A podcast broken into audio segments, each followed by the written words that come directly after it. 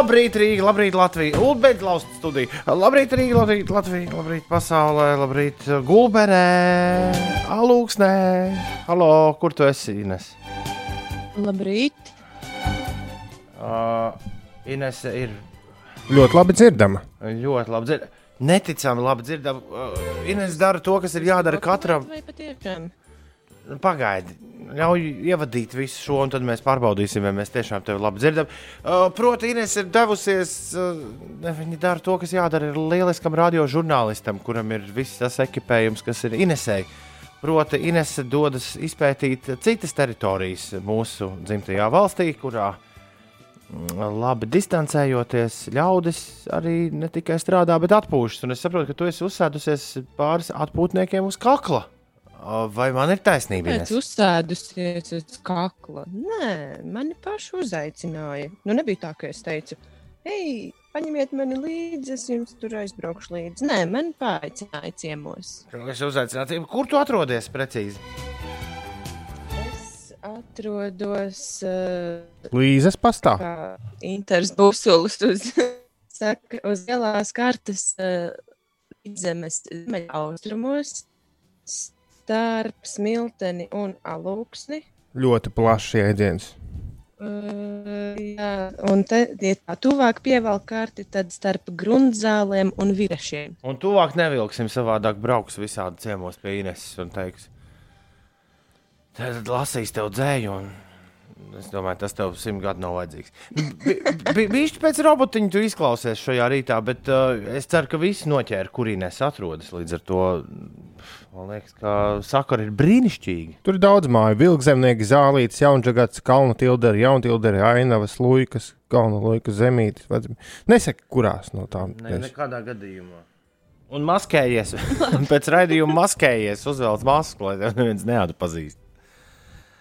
Vai, Ne, bet te tādā diezgan lielā tādā nostūrītī esam. Te blakus ir divas mājas. Mēs esam tādā pavisam mazā, mazā mājiņā, upes krastā, meža maliņā. Un cilvēkus īpaši jau droši vien arī neredz. Nu, nav tā, ka kāds varētu tev uzspērties netīšām virsū. Nē, man priekšā ir pārplūdis ceļš. Ah, Te ir uh, apgrūtinoši nokļūt. Paga- tas pārplūdušais ceļš. Tas ceļš bija izklausījās pēc ceļa, jā, dēļ tavas robotikas Nē, ceļš. ceļš. Tu esi pie gaujas. Nē, tā nav gauja. Oh. Tā ir kaut kāda mazā vietējā upīte, man šķiet, kas ir. Nu, gauja šeit ir netālu, jā, bet uh, vecpalsa tā man šķiet, jā, tā ir uh, uzpludinājusi ceļu.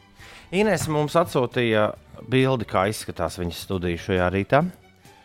Un tev ir ā, balta ieparīkta, kuru tu liec klēpī. Tas ir tas uh, galdiņš, ko es vienmēr esmu gribējis. Man liekas, tas ir uh, brokastu galdiņš, ko var gultā turēt. Tu esi no tiem cilvēkiem, es, es nekad neesmu sapratis brokastis gultā konceptu. Viņš mums ā, filmās tiek visu laiku likts iekšā, iekšā, iekšā. Bet, ja godīgi, ja man kāds atnestu brokastis gultā, man, ko man nekad nenes, un, un paldies Dievam, man būtu sajūta, ka es esmu slimnīcā. Vai arī pamatīgi sasirdzis. Jo brokastis gultā man saistās tikai un vienīgi ar to. Nē, tev ir nepareizas asociācijas. Labi. Vai kādā viesnīcā pamēģināt? Nu, Tas šausmīgi maksā. Tas servis, ka tev atves, atved visu pie durvīm. Jā. Bilisija nemaksāja. Tur bija, man liekas, tikpat. iet. Nu, tur gan arī atnesa sieru, desu un divas šķēles baltmaizes. Nu, kaut kas droši vien līdzīgs kā slimnīcā. Bilisija, kurā valstī tas bija? Gruzijā. Grūzijā. Okay. Bet tā, tā bija vienīgā reize, kad es izmēģināju brokastis īstenībā numuriņā. Nē, bija, bija forši vienkārši tās brokastis pašas par sevi. Bija nu, ļoti askētiskas. Nu, bija viss, kas vajadzīgs - tomāts, gurķis, sieras desas, sviests un baltmaize. Un tieši to arī man atnesa uz diviem šķīviem. Tad dažs šķēlīts desas, doktora, dažs šķēlīts siera. Vai tev kādreiz zinās, kāds ir pasniedzis brokastis gultā? Jā, Forši. Pastāsti vairāk. Ka, ko tu ēdi? kas bija? Kas, ka, kas bija uz šķīvīša? Nu, to es varbūt ne, tik labi neatceros, bet pilnīgi noteikti bija kafija. Šorīt es kafiju gan neesmu vēl sariktējusi izklausās, ka labas atmiņas no šī gadījuma tev arī ir palikušas. Nu, jā. jā. Kāpēc gan ne? Lieliski. Nu, ne tādas kā Uldina. es jūtu, ka man būs šis jāizmēģina. Es uh, tagad būšu Tbilisī. Es saprotu, es gandrīz, uh, gandrīz nonācu Tbilisī, bet nu, mūsu 2020. gadā ceļoju. Ja tu gribi tik kalnu ceļojumu plānus, tad labāk, labāk paprast, lai Ulas izstāsta kādu smieklīgu anekdoti. Jo uh, tā būs noteikti smieklīgāka nekā. Tikai neprasiet, tagad man nav. Nē, nē, viss labi. Uh, man doma bija tāda, ka tā anekdote būs smieklīgāka par, uh, uh, par, par taviem ceļojuma plāniem. Uh, nu, jā, bet uh, tas, ko, tas, ko es apsolu, tad, kad es tur nonākšu, tad es pasūtīšu brokastis gultā, un tad mēs varēsim visi trīs dalīties ar brokastis gultā. Bet, nē, nē, tas nav Bilisī viena raksturīgs.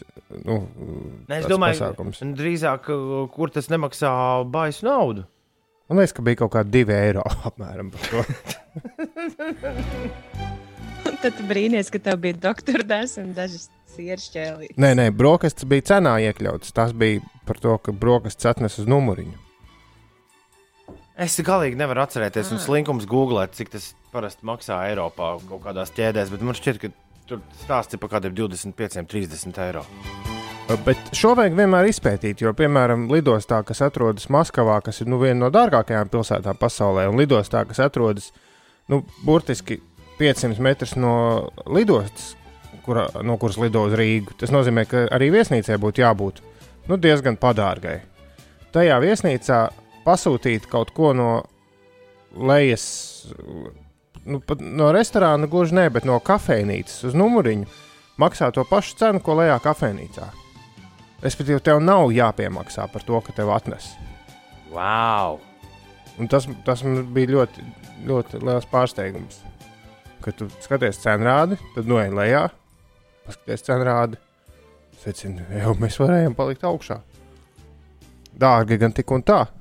Divas no trijām reizēm, kad es esmu braucis uz Amerikas Savienotajām valstīm, mūsu ceļojums, tā teikt, Ņujorkā bišķi apstājās uz mazu mirklīti. Parasti tas ma- mazais mirklītis, nevis parasti, bet abās šajās reizēs mazais mirklītis bija nakts. Nu, protams, tu ielido vēlu Ņujorkā, tad tu aizēji gulēt, bet nākamajā rītā tu tālāk pa visu mm -hmm. Ameriku plēst tālāk. Manā gadījumā tā bija Teksas. Abos uh, gadījumos tu visu nākamo dienu pavadīji principā ar kādām divām, trim lidmašīnām, kamēr tu sasniedz savu galamērķi. Bet uh, kas man fascinē tajās JFK uh, speciāli piebūvētajās lidostās, tas ir simtiem lidostu ap uh, John Kennedy. Uh, tas ir simtiem uh, Viesnīcu. ap uh, Kennedy lidostu. Uh, viņas arī neko diži nemaksā, bet viņās arī diži nekā nav. Un, piemēram, uh, šajās viesnīcās neeksistē tāda restorāna, kādus mēs pazīstam Eiropā. Tur vienkārši nekā nav. Nu, Tu ierodies, pulkstenis ir uh, 11. vakarā, kamēr to ar visu to muitas tur ticis galā, izgājis cauri paskontrolē. Nonāca savā viesnīcā, pulkstenis ir 11, baigi gribas ēst. Un tev stāv, nu, nepārspīlējot, kaut kādu 5 vai 6 uh, takeaway restorānu ēdienkartes. Tu ikvienam no viņiem var piezvanīt, un viņi to, to laiku mums likās. Droši vien, ka tagad, tagad kad mums ir uh, zilie un zaļie riteņbraucēji, tas šķist nu, pilnīgi normāli, bet to laiku likās, kā tā var. Vienkārši pēc minūtēm, 20, tev tling, pie uh, viesnīcas durvīm un tev nomet to milzīgo, milzīgo kaudzi ar ēdienu.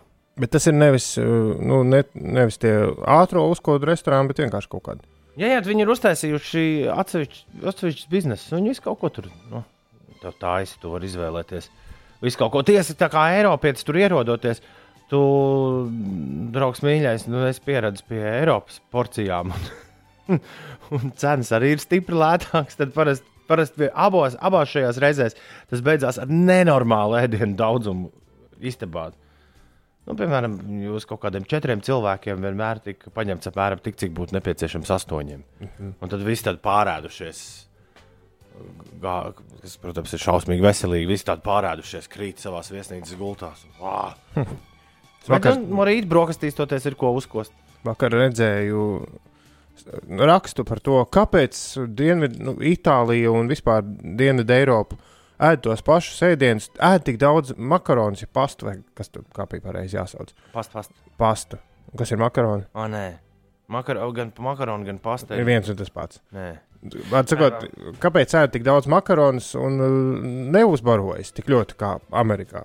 Un tad bija salikti salīdzinājumi, kā izskatās pastas porcijas Itālijā un Amerikā. Nu, reiz, Kāda ir atšķirība? nu, daudzums apmēram reiz pieci. Varētu būt. Varētu būt. Es nepārspīlēju. Ir tāda, ma- Itālijā ir tāds smuks šķupiņš uz šķīvi, un Amerikā ir kalns. Nu, jā, tāpēc, ka Itālijā tu ēd, tev ir jāēd viss pēc kārtas. Pizza, prīmī, sekundi. Un, nu, tu- nu, visam jābūt tādā normālā izmērā. Un Tie ēdieni ir vairāk un tiek baudīti lēnām, vai ne? Kur ir pasta vai makaroni? Strīds. Nu, Lūdzu, man uzkurināja šito Ines. Jo man šķiet, ka tad, kad mēs pirms septiņiem gadiem satikāmies, es zināju atbildi. Mēs, jautājumu. mēs esam par šo runājuši reizi. Un man šķiet, ka es vinēju šo argumentu. Nē, jo es, tas nevar būt arguments, jo es nezinu. Es esmu aizmirsis. Es esmu pilnīgi pārliecināts, ka es kādreiz biju drošs par to.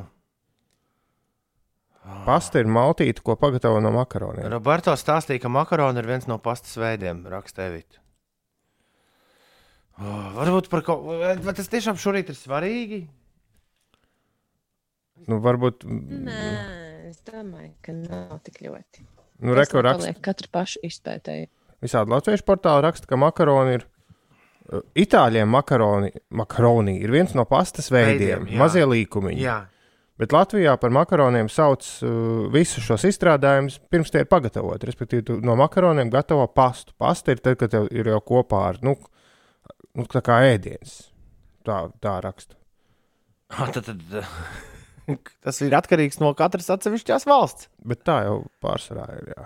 Bet, nu, jā, it kā, it kā itāļiem makaroni ir tie mazie līkumiņi. Kā negoģēris grib noskaidrot, doktora desa vai doktora desa? Kura tad īsti bija tā desa, kur tev tur tajā Tbilisī atnesa? Nu, jāprasa arī, kur, no kuras valsts doktora desa nāk. Tu noskaidrosi, vai doktora desa vai pasta. Sveicieni visiem AL biedriem un jums pieci rīti ar sveicienu. Es ienīstu doktora desu. Doktora desa ir tā, kur ir vienkārši vienkrāsaini. jā. Ārā! Kā teica Linda, Linda Vilmansona, kas ir nu, tāda. uh, Viņi liek austai zupai klāt parasti. Jā, jā, jā. Ah, Linda fuj! Vilmansona, kur ir nu, dāma, kas, nodarb, kas raksta pavāru grāmatas un nodarbojas ar smalku ēdienu gatavošanu. Viņa teica, lai cik, lai cik es tur iedzinātos ēdienu niansēs un pasaules ēdienu kartēs un, un garšas buķetēs, Baltmaize ar doktoru Nē. nepārspēs nekas. Nē, nē. Fuj. Tāpēc, ka tu Kāpēc domā, tev ir tik sliktas attiecības ar uh, Tāpēc, ka tu- tu domā par to, kas tur ir iekšā. Par to nevajag domāt. Nē, nē, nē, negribu. Paldies, ēd. Ēdat, nu vien, ēdiet. Ēdiet. Pavēlē ēdiet. Jā, ēdiet paši savu doktoru desu. Labs rītiņš šajā dienā no Kristiāna, kurš no Bauskas puses nāk. Sveicieni visiem AL biedriem. Anonīmie linčotāji. Kas, kas tā pa Nu. kustību? Sveiciens visiem AL biedriem. Un jums pieci rīti arī sveicieni. Un Augstu laimi. Līvs ir galīgi uzvilcies, Ines.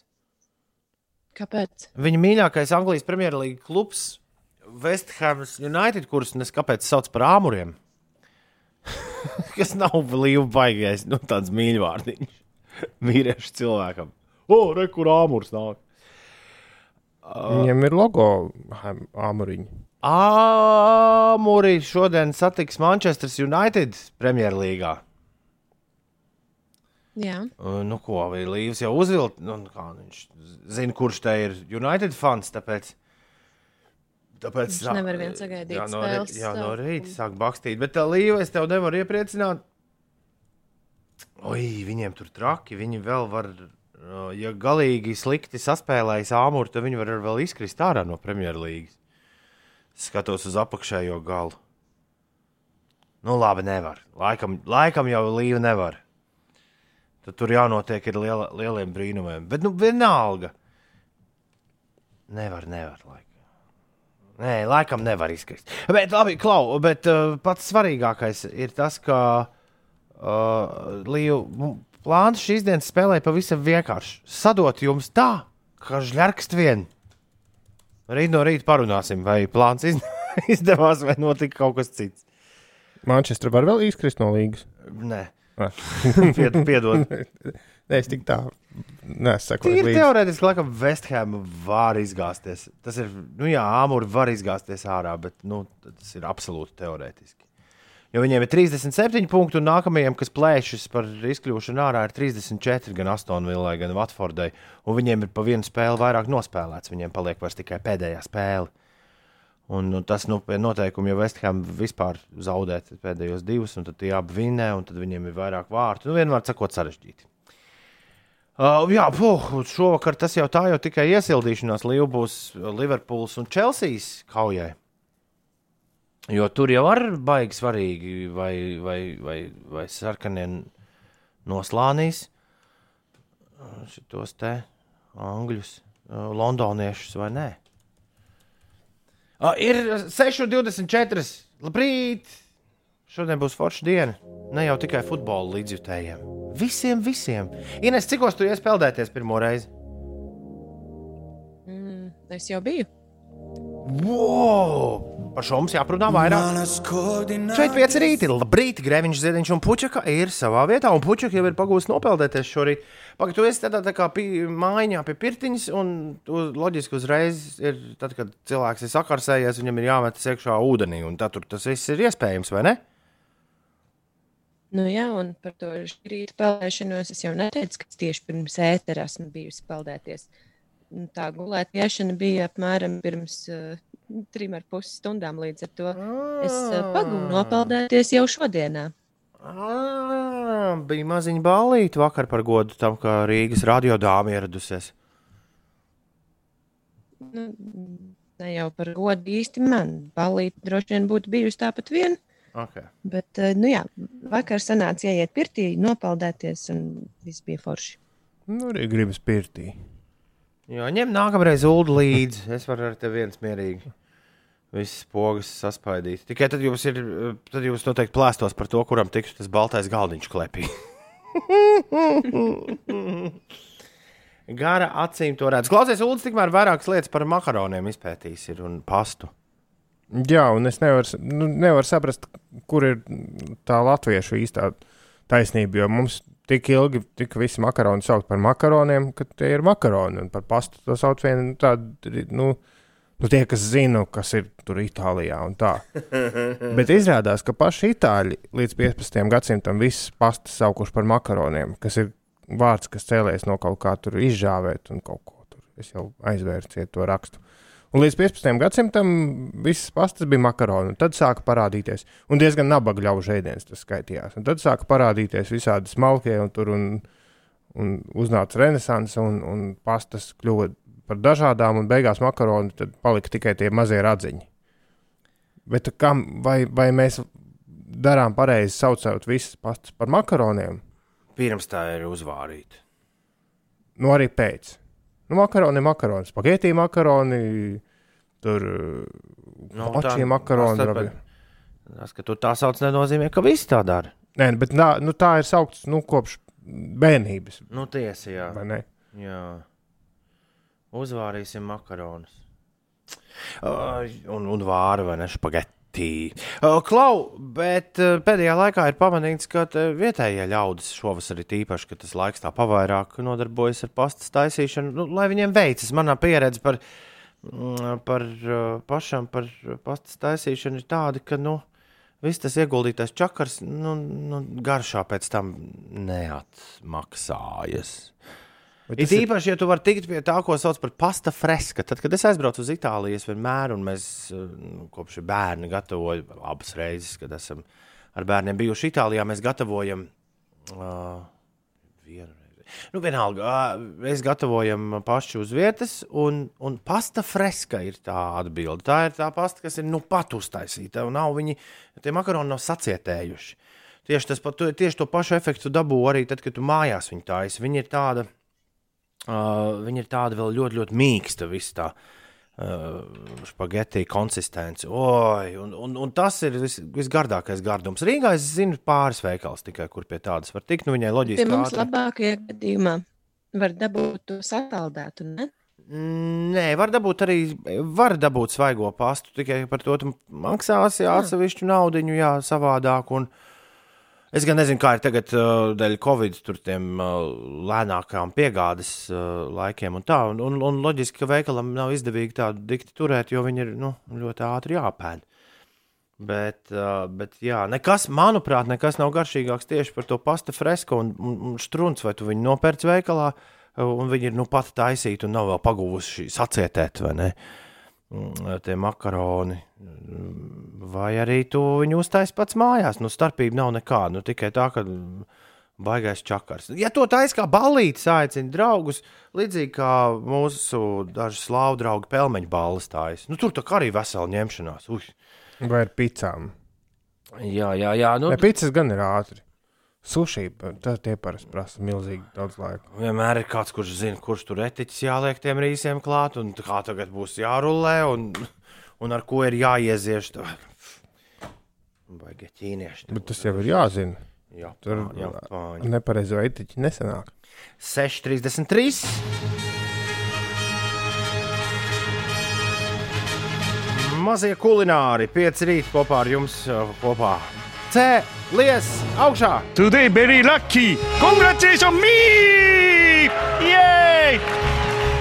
Te nu esam mēs trešdienā, te nu esam mēs gandrīz brīvdienā, jo atliek vairs tikai divas dienas nostrādāt, un tā mēs varam, jā, bez, Palēkāt. bez, uh, kā ir bez, nu, Bez rūpēm. bezrūpīgi, jā, bezrūpīgi arī no rīta visu kaut kur slāt. Bet tā mums no rīta jābūt radio un jāstāsta jums, ka šodien iespējams pērkons. Nē, tas laikam bija naktī iespējams. Bet ne, arī šodien.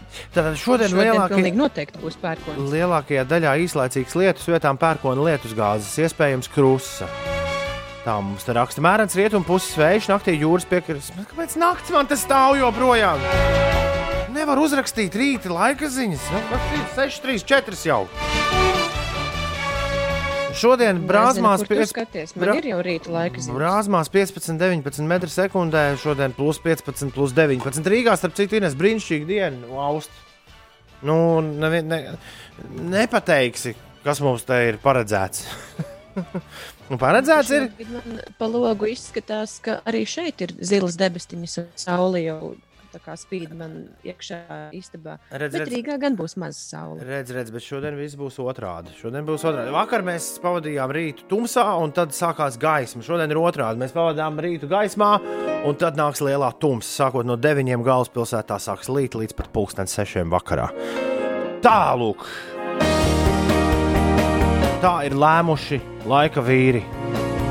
Un tā tam būs būt.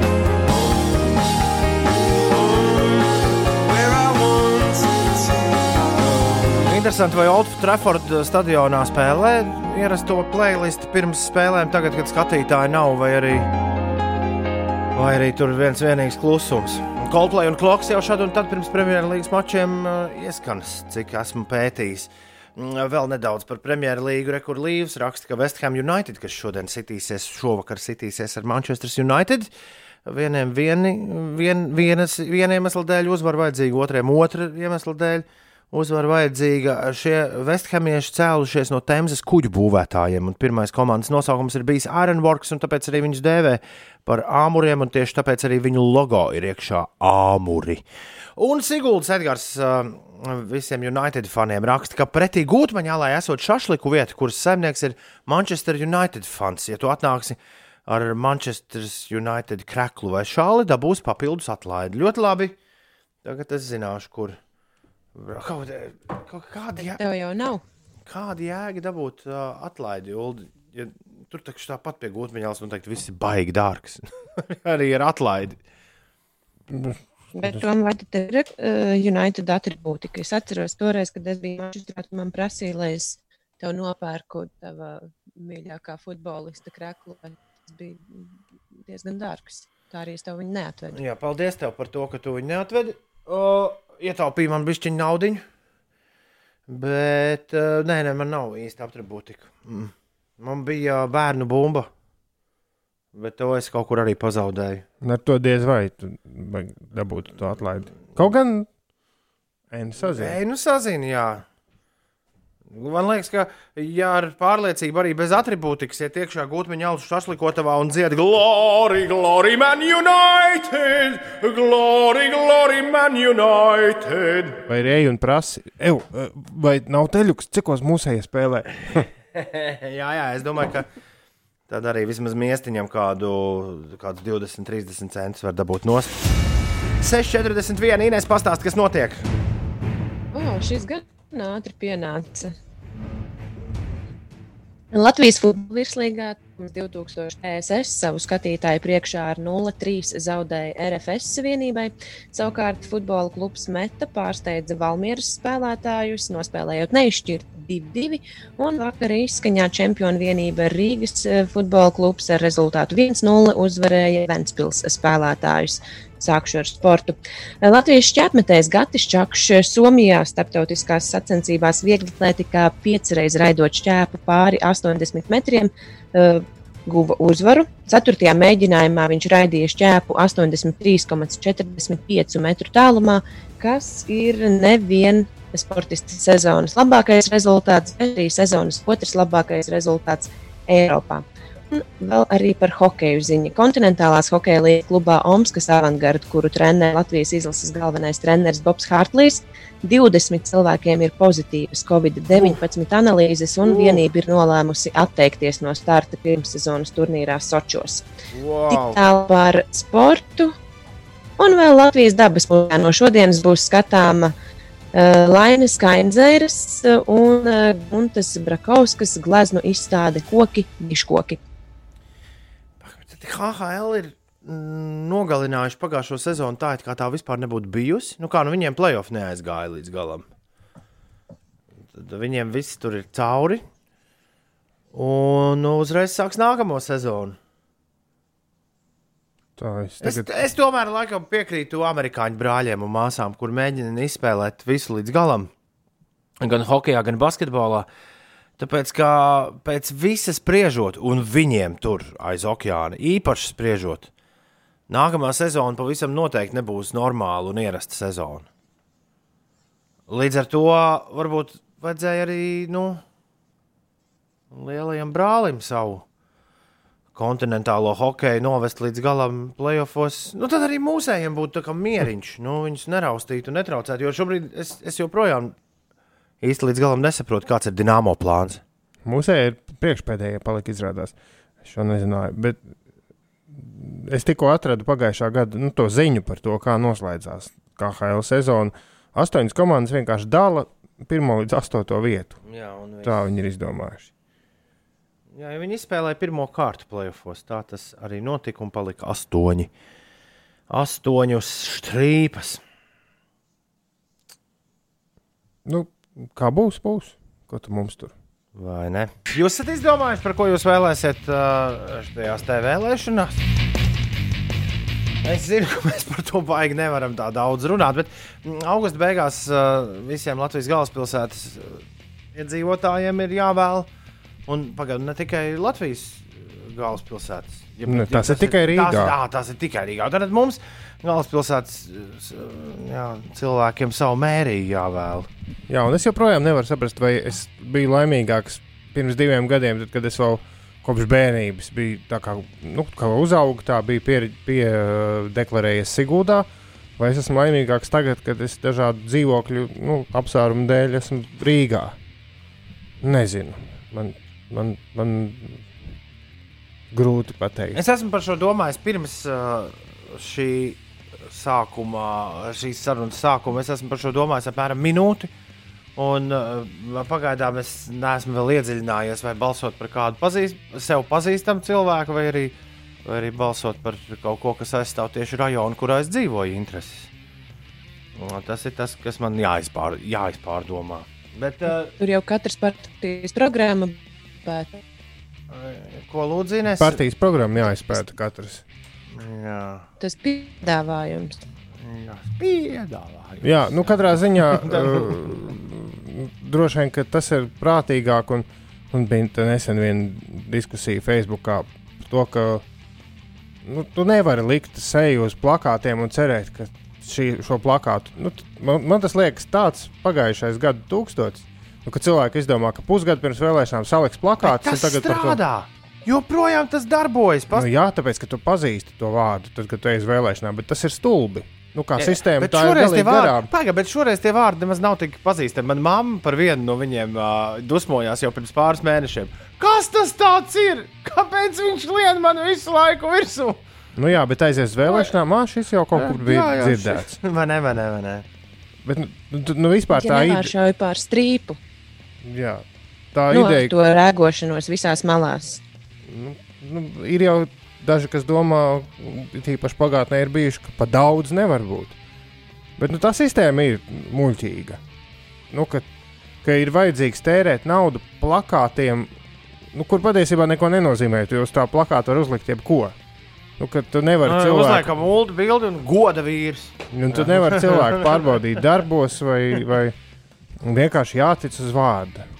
Un ir vajadzīgi un tērē milzu naudu par plakātiem, lai pateiktu kaut ko, ko patiesībā, nu, nu, jā, nu tādā ideālā pasaulē tu zinātu, ko katrs ir darījis un kā, kāds cilvēks galvenais varētu pārunāties ar katru.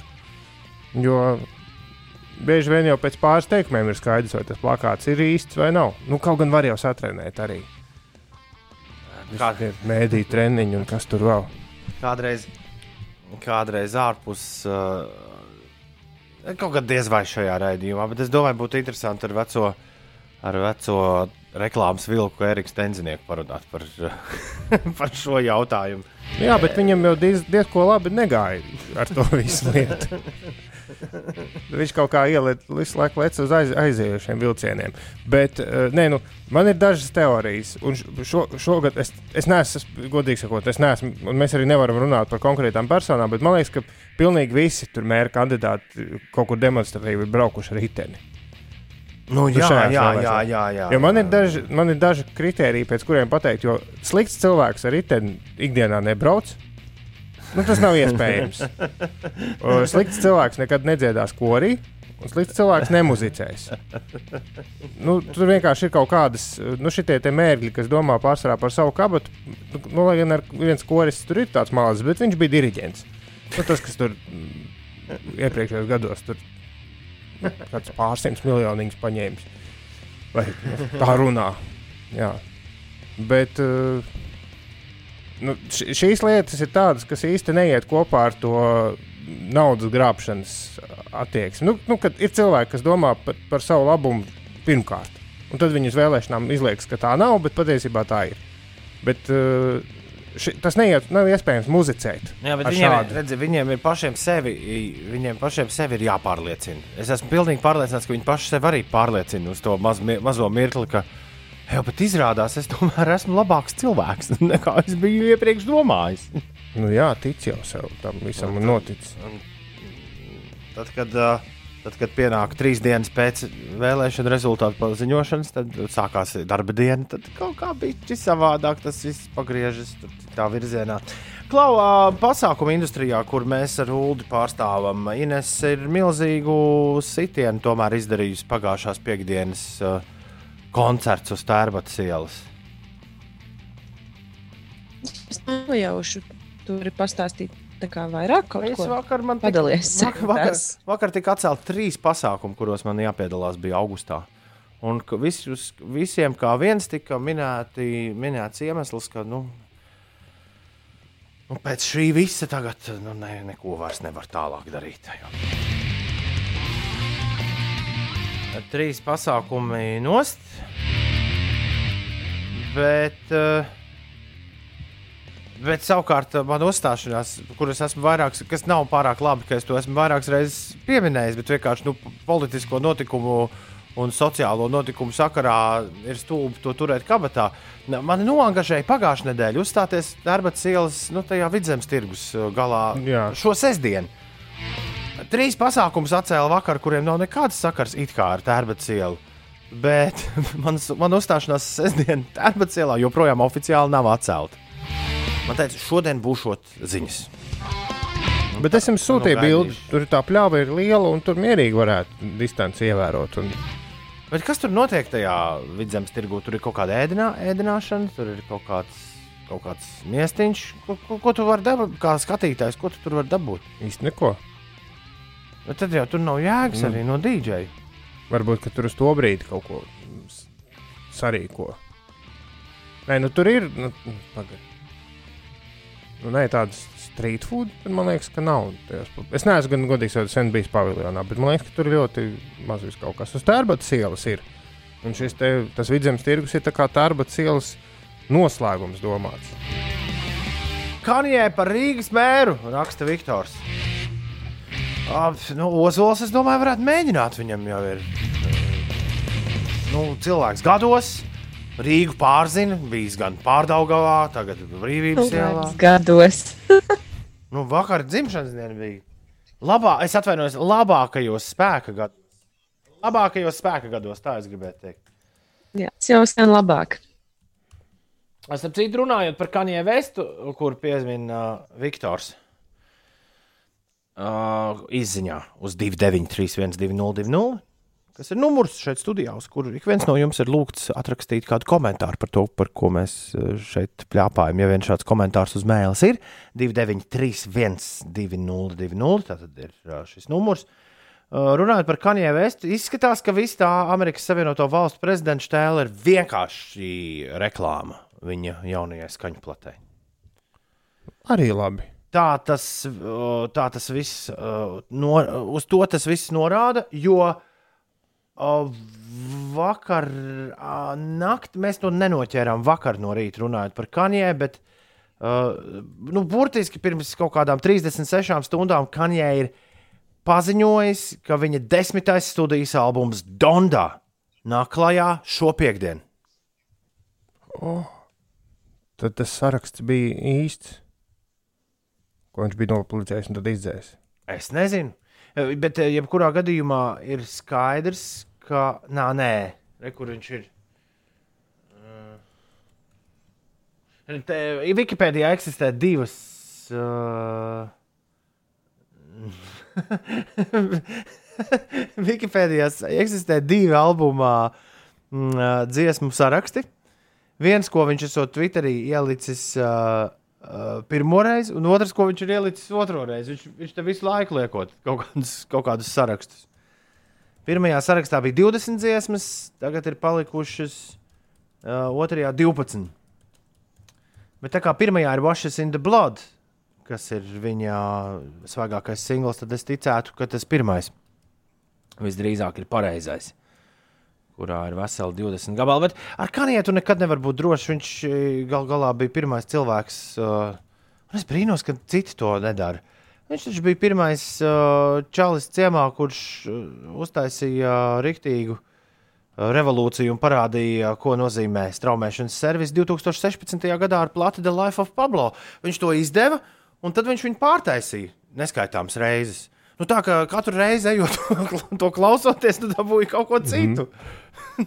un, uh, un tur, kur ļaudis ļoti nopietni piefiksē, kas un kā uh, notiek, eksistē kādas 12 Life of Pablo versijas, kuras Kanjē bija pārtaisījis. Tā kā Nekur nav teikts, ka tas kanjē albums, kur mēs dzirdēsim piekdien, būs tas pats, ko varēs dzirdēt, nu, piemēram, nākamā pirmdiena. Bet piekdiena Donda patiešām būs klāta, un šķiet, ka es ļoti ceru, ka ar to arī visas tās runas par Amerikas Savienoto Valstu prezidentu beigsies. Kāpēc Arnēs jau otro rītu mums raksta pilnīgas muļķības? Ko viņš mums raksta? Viņš raksta, ka Bois Džordžs, nē, šorīt raksta, ka nebija kultūras ministrs.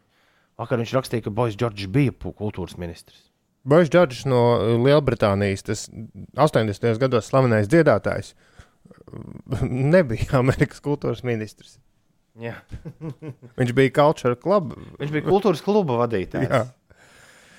Jā, un Ingūna par Inesu. Nē, tu neesi vienīgais. Ines šoreiz šodien ir nu, tā, ka riktīgi distancēta no, no, no kārtīgiem laukiem. Un, uh, ma- man personīgi liekas, ka, ja tu zini, ka Ines ir laukos, tad tas skan tā, kā tam bija jāskan. Bet, To nu, ne- pa, bet, nu, pat Bija Ines, gatavs tam, jā. bet nu pat Ines pārspraudu vādu, man liekas, ka tev tas vats ir jāsprauž apakaļ. jo Man, Bet vārds nemaina interneta mēr- nu. ātrumu. ņemot vērā, kāda aparāta ir Inesē, maina gan. Ne jau ātrumu, bet to, kā konkrētā programma, ar kuras palīdzību Ineses balss nonāk līdz mums, reaģē. To gan maina. Viens vai otrs tas OSB iepariktis. Patīk ticība, nu, ka kaut ko pārsprāžot kaut kas. Nu, var jau Nu, nu, bet citreiz te- arī strādāt. Nu, labi, Ines, noskaidro, kur tu teici gailīt. Man tagad pēc tam pārspraudīs vadu un noskaidrīs vēlreiz. Lūdzu. Kur tu teici gailīt? Man domā, es atceros, kā ir jāskaita. Kur tu teici gailīt man no rītiņā Nu, agrumā? tagad, nu, Tur nekas ok. cits nav. Jau beidzot bļaut. Labi, tu noskaitīji, tagad Jā, to nebļauj. Un tagad pārspraudi. Viņi noskaitīja vienu rindiņu. Kā tu šo? Kā, kā tu to noteiksi? Es taču dzirdēju visu nu, to Ines teikto. Ines, tu dzirdējāt, kā es pārspraudu vadu? Jā, Jā, tagad tu esi pārspraudusi. Okay. Tagad lūdzu vēlreiz, kur tu teici gailīt man? Kur tu teici gailīt man no rītiņa agrumā?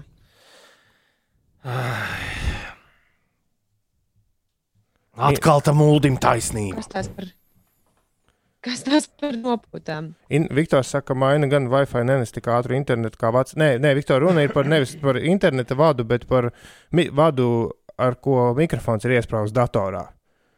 Un šis vats nu nevarētu mainīt to, vai, vai kā Ingūns sastīja, lago vai nelago. Nu, Re- Krep, kraps Reinis saka, tu varētu dāgu laku testam noskaidrot. Lūdzu, Ines, noskaidri. Iet pa ceļu, nagu laks, nagu laks, nagu laks. Redz, te, ka tu ātrāk runā, tad viss ir labi. Varbūt tev ir vienkārši ļoti ātri jārunā.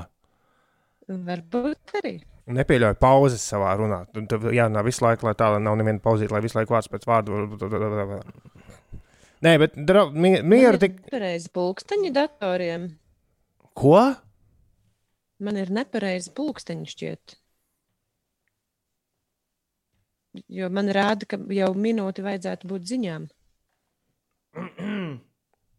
Kā šis iegadījās šeit? Ir viena minūte pārpusdienas septiņiem. Šī ir pirmā reize, kad mēs to esam izdarījuši. Nu, tad tā diskusija tālāk ir, vai tas būtu pietiekami, ja. Šovasar festivāls būs tur, kur esi tu. Svinot Latvijas Rādio 5 septiņu gadu jubileju no 23. līdz 25. jūlijam šeit, Piecēlvē ēterā un sociālajos tīklos dārdēs lielākais radiofestivāls Latvijā. Mēs atskaņosim tavu mīļāko mākslinieku koncertu ierakstus un rūpēsimies par pozitīvu atmosfēru. Tev atliek vien uzcelt telti un pievienoties. Tiekamies! Ir pieci. Dā. Uzgriez un ir. Tā ir 5 pāri 7. Uh, radio, radio parasti dara tā. Vai nu aizmirst to, kas nu pat notika, nu, un nepiemin, kas nav noticis. Bet ko tur nepieminēt, jo, jo visi Visi bija, jau tāpat dzirdēja. visi bija liecinieki, ka mēs pirmo reizi nomazējām, man liekas, tas ir īstais vārds. Uh, nomazējām ziņas. Jā, un tam ir vairāk iemeslu. Pirmkārt, jau Ineses prombūtne. Ne. ja mēs būtu visi trīs studijā, ja mēs būtu visi trīs studijā, tas nebūtu iespējams. Bet tā kā Ines ir nu, tālu un distancēta, tad, tad jau trešdaļa no iespēju, nu, atbildībām ir pazudusi no studijas. Tad es, godu vārds, distancējoties, es, at... es pēd, jau pēdējās trīs dienas secinu, ka es vairs neskatos uz studijas pulksteni, tā kā es to agrāk darīju. Es, es esmu pieredzējis skatīties telefonā, un šodien man nezinu, kāpēc telefonā bija mūsu čats atvērts. Līdz ar to arī mana distancēšanās ir pie vainas tam, ka pulkstenis netiek tik rū- rūpīgi vērots. Un tad mēs aizrunājāmies, un Toms savukārt risināja tehniskas lietas par, par labskanību. Un, jā, un tā, tā tas viss ir. Šis ir principā iesniegums, tagad, ko es rakstu. Mm -hmm. Bet uh, Ines, Ines, tu taču tiec klāt ziņu tekstam, vai ne? Jo ziņas arhīvā vēl, diemžēl, nav pieejamas. Nu, šīs, kas tikko bija. Oh, šobrīd tas ir eh, krietni sarežģītāk nekā tev varētu likties. À, es, es to varu drīzāk izdarīt no šejienes, vai ne? Es domāju, ka jā. Bet es to nemāku līdz ar to labi. Dzirdēsim nākamajā stundā, kas tur īsti bija. Tie. Es domāju, ka šis vienkārši brīnišķīgi, brīnišķīgi demonstrē to, cik labi mēs esam pamodušies par spīti tam, Jā, un kā Viktors, izklausāmies. Un Viktors rakstīja, ka ziņas automātiski pārklāja. Viktor, tas, vairs, nu, tas, ir, tas ir vairs nenotiek. Toms ir studijā un nekāda automāta mums te nav. Automāts sāk strādāt tikai Wolfa laikā, kur joprojām nelaiž neviens šeit iekšā. Uh, Viktors cits raksta arī, ka uh, piecēlies un galvā ieskrējusi Coldplay grupa. Jā, Viktor, tiešām, jo mēs spēlējām Coldplay pirms maz mirkļa, tas notika tev caur sapņiem. Coldplay ieskrēja tevī. Uh, ir. Uh, Kloks. Es, es nekad neticētu, ka tas, kas atgadījās, tiešām atgadījās. Un mēs vēl pat nebijām beiguši. Ines, ja tu nebūtu neko teikusi par. ja tu neko nebūtu teikusi par Ja tu to, nebūtu- cik ir pulkstenis. Pat tev pūkstens nepareizs. Jā, mēs. Bet es tiešām domāju, nu, man likās, ka šādi nekad ne, nenotiks ar mums. Un es skatos datorā, pulksteni, skatos otrā datorā, pulksteni, paskatos telefonā. Man atšķīrās par vienu minūti, un es domāju, bet varbūt man te vispār tas pulkstenis ir pilnīgi nepareizs. un Tādēļ es jums prasīju, jo man likās, ka jūs jau nu noteikti nu, sekosiet līdzi laikam. Pilnīgi mani izsita no strīpas. Uh, kurš tas bija? Arnis. Arnis, kurš rakstīja par Boju Džordžu. Un mēs tā arī nemaz netikām līdz. Tas ir kaut kas tagad tik tā kā slavens. Bojas Džordžs. Jā, jā, bet šī dziesma ir, ir tik tā kā. Vajadzētu būt. Pagad, ah, tik toks taču bļaus. uzreiz.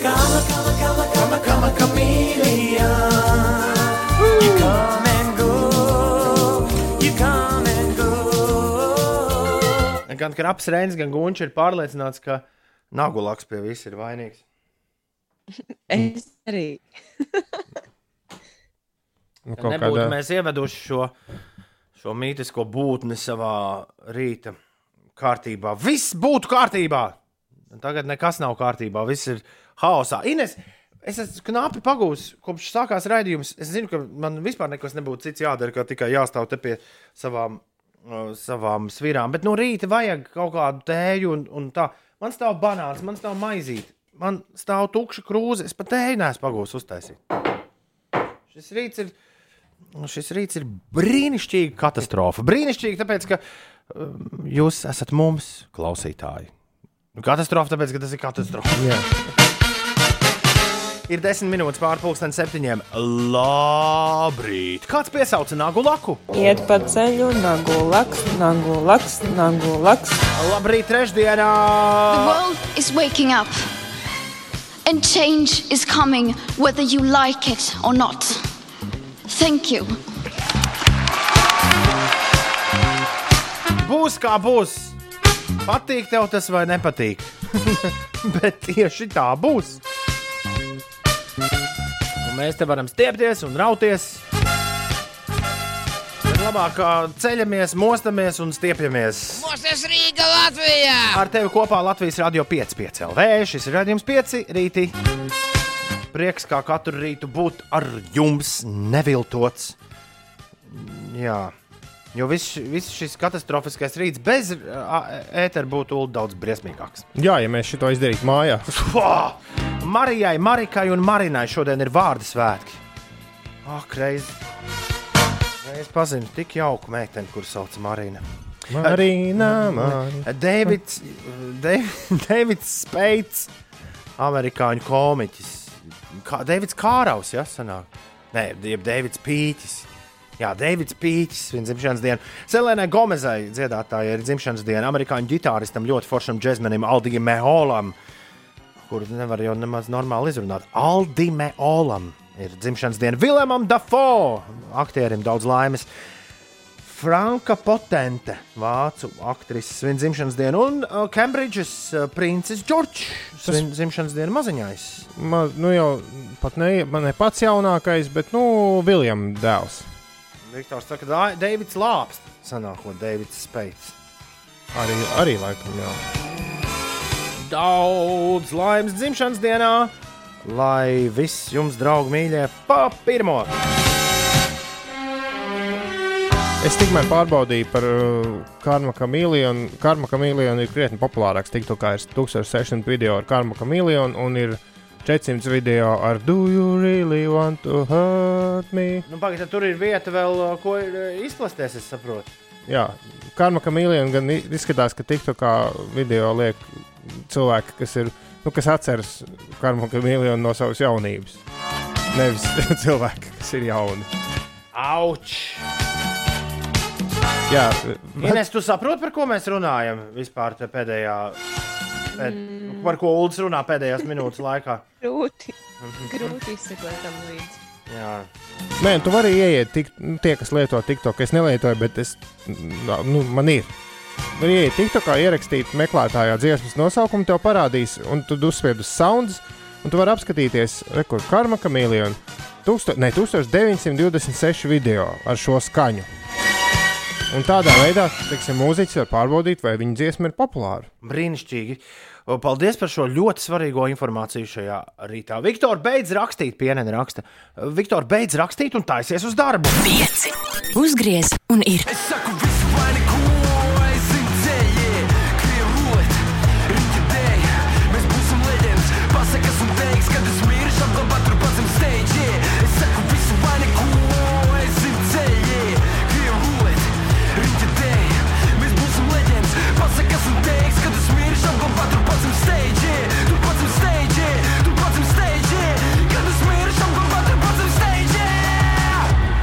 Tā asprātīgi šis jaunais mākslinieks ar savu spalvu strādā. Padomājiet, viņiem tur tāds teksts, ā, leģendas, pasakas un teikas. Jo leģenda jau, vai ne, ir uh, divas nozīmes šim vārdam. Mēs domājam par cilvēkiem, kas ir nu, tādi ļoti slaveni.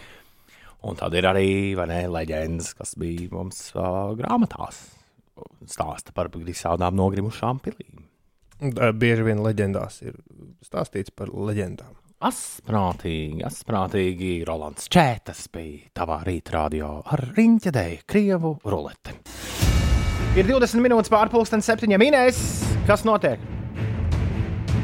Nu, ko sveiciens tiem, kas eh, stāv jau i, uz A8, uz autoceļa Jālgava Rīga, braucot Rīgas virzienā no Dalbas līdz Jaunolēnai. Tur jau veidojas sastrēgums pagaidām. 15 minūtes šajā vietā jākavējas. Rīgā izskatās, ka bez sastrēgumiem vienīgi iebraukšana jūrmalā varētu būt mazliet palēdināta. Par laikapstākļiem šodien. Šodien Latvijā būs daudz mākoņu un brīviem gaidāms lietus, vietām līs stipri un kopā ar pērkonu. Vietām arī iespējama krusta un lielas vēja brāzmas. Kā Latvijas vidas geoloģija un meteoroloģijas centra dzeltenais brīdinājums par pērkona negaisu ar krastām vēja brāzmām, stiprām lietus gāzēm un iespējamu krustu no rīta rietumu novados, savukārt dienas gaitā daudz vietā Latvijā. Putīs mērens vējš, gaisa temperatūra plus 16, plus 20 grādi. Rīgā būs maz, maz saules, brīžiem gaidāms lietus, īslaicīgi iespējams apstiprs lietus un pērkona negaiss. Vējš iegriezīsies no ziemeļrietumiem un brāzmā. Tas var pieņemties spēkā līdz pat 18 metriem sekundē, un gaisa temperatūra galvaspilsētā nepārsniegs plus 19 grādu atzīmi. Par eh, aizvadītajiem futbola mačiem Latvijas futbola virslīgā Tukums 2000 TSS savu skatītāju priekšā ar 0-3 zaudēja RFS vienībai. Savukārt futbols Meta pārsteidza Valmieru nospēlējot neizšķirti 2-2, un Rīga ar 1-0 uzvarēja Ventspils spēlētājus. Lieliski! Jū, 7,22. Another one. DJ Khaled un Drake. DJ Khaled. Calling my phone like I'm locked up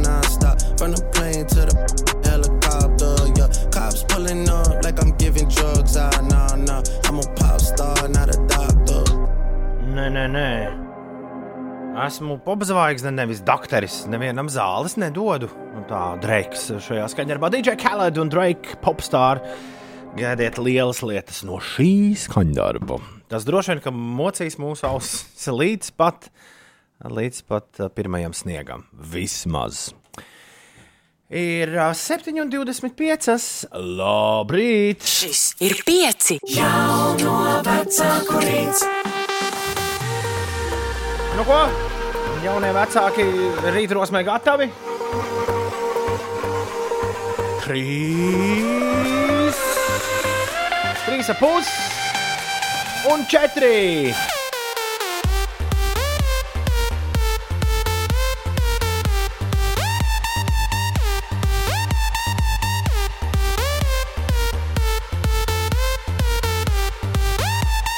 Jauno vecāku rīts ir klāts. Jā, lai kā šis patiktu jauniešiem, es nekādu nevaru dziesmu, kuru saistās pirmkārt ar zārka nešanu, asociēt ar jauno vecāku rītu. Bet nu labi. Bet tev neviens arī neprasa. Neprasa, es zinu, zinu, es tik pasaku. Domāju. Tev neviens arī neprasa. Nometnes, šis ir nometņu laiks, meitenes un zēni. Kādas tik nometnes nav dabūnamas? Un, un mēs strīdamies savā starpā. es ar bērniem, Ines un Ulas bez bērniem. Kas tad ir tās summas, kuras par nometnēm ir, vērt, ir jāmaksā? Vai tās ir lielas summas vai mazas summas? Bet izskatās, ka mans vecākais dēls dosies. Nevis izskatās, bet iz, dosies uz pirmo nometni arī šovasar, nākamā nedēļa. Rīgā nometnes gan izskatās, nu, jā, forši. Nu, tev nav jālaiž nabaga jaunais cilvēks uz veselu nedēļu kaut kur prom. Es atceros, ka tie pirmie, nu, tā ir pilnīgi vienalga, vai tas patīkami vai nepatīkami, bet tās pirmās kora nometnes nu, grūti bez vecākiem izvilkt nu, no savas bērnības.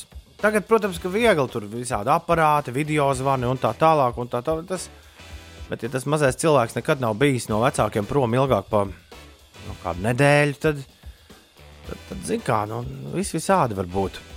Nu, un, tāpēc mūsu nometne, pirmā, kur mēs esam atraduši, ir tāda, kur tu no rīta aizved un vakarā paņem. ciet. Minecraft nometne. Negluži, nē. Tāda arī ir.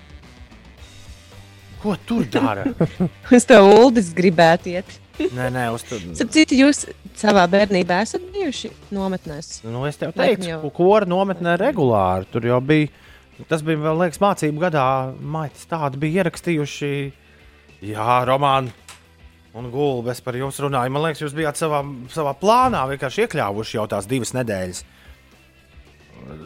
Tā Lai- man lai liekas, izko- neskaitās tāda nometne, ko es domāju. Jo tur bija pilnīgi skaidrs, ja, lai, lai, rudenī jau varētu ar kaut kādām koncertu programmām stūrēt uz priekšu, tad ir rekords nometnē, tu samācies. Un patiesībā tas laiks bija ļoti kvalitatīvs. To jau arī paši saprata. Jo Produ produktīvs. produktīvs. Jo, ja tu ej vienkārši pirmdienā, mums bija mēģinājumi, korim pirmdienās, trešdienās, piekdienās, ja tu vienkārši ej un tad tajās divās stundās mācies visu to, kas tev jādzied, nu, tad tas prasa daudz ilgāku laiku nekā tu divas nedēļas. Vienkārši intensīvi. No rīta pa dienu un vakarā dziedi, dziedi, dziedi, dziedi. Pa vidu tur ir kaut kādas salkas un, un, un, un rokas bumbas un, un kas tik nē. Un, un, un beigās tu atbrauc pēc divām nedēļām, uh, mape pilna ar notīm un rīktīgi daudz zina. Jā.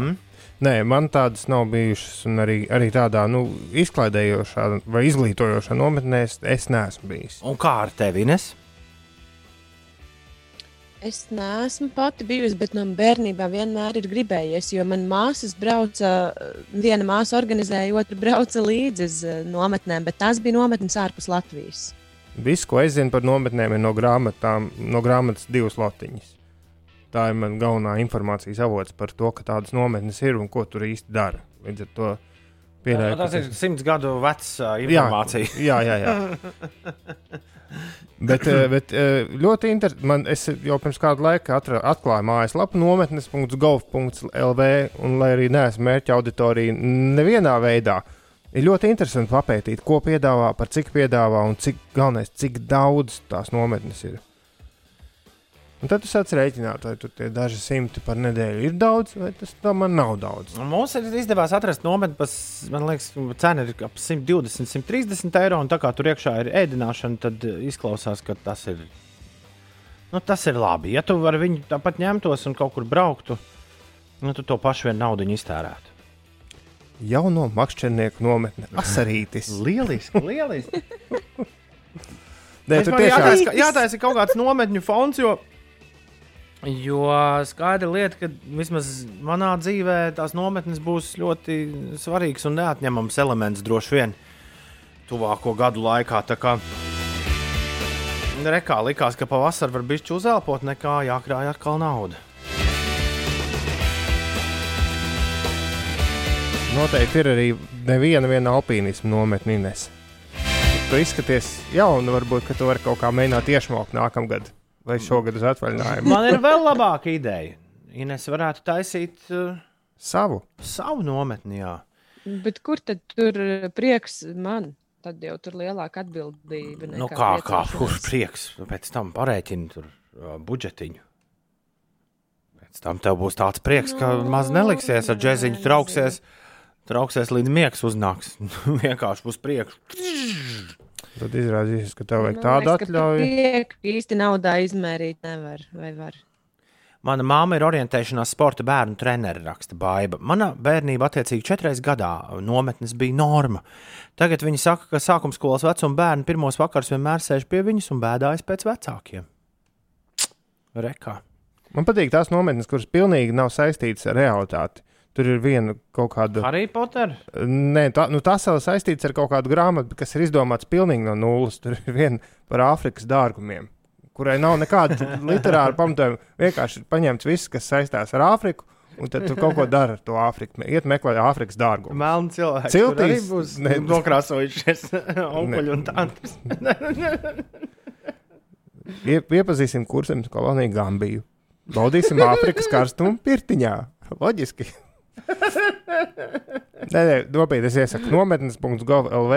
Tā ir forša lapa, kur papētīt, kas tik viss nenotiek pasaulē. Bērnību pavadīja nometnēs Sēlga.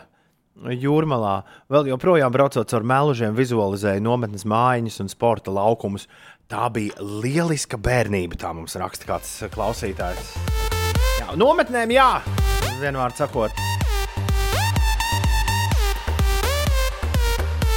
Trakākais ir tas, ka es pirmdien no rīta jums kaut ko gribēju stāstīt, un teicu, nē, nē, atstāsim to jau no vecāku rīta. Vai es atceros, kas tas bija? Du, du, du, du, du, du, du, du, du. Emīls raksta, ka žiga nometnes esot labās. Tā, tā var kaut kur pieteikties. Mēs arī nesam labprāt aizšaut viņam līdzi kaut ko. Es tad citu žīgi esmu dzīvē satikusi. Viņš tāpat ar runā kā TikTokā. Es neesmu tik tā kā, bet es nojaušu, ka jā.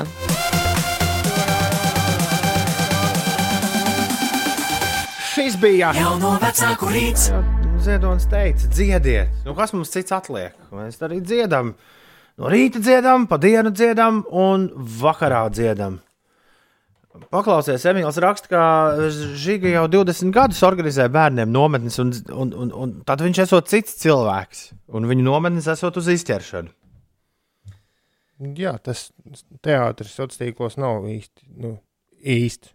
Nu, ej, nu, ej. Es, es, gribētu, es gribētu redzēt, kā tur šī tā varētu sev uztaisīt otru ego. un, Nu, bet tā tiešām ir.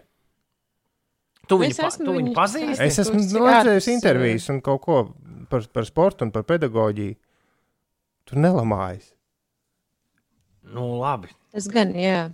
Bet, uh, bet uh, gan smieklīgs un attraktīvs cilvēks viņš uh, ir bez visas lamāšanās.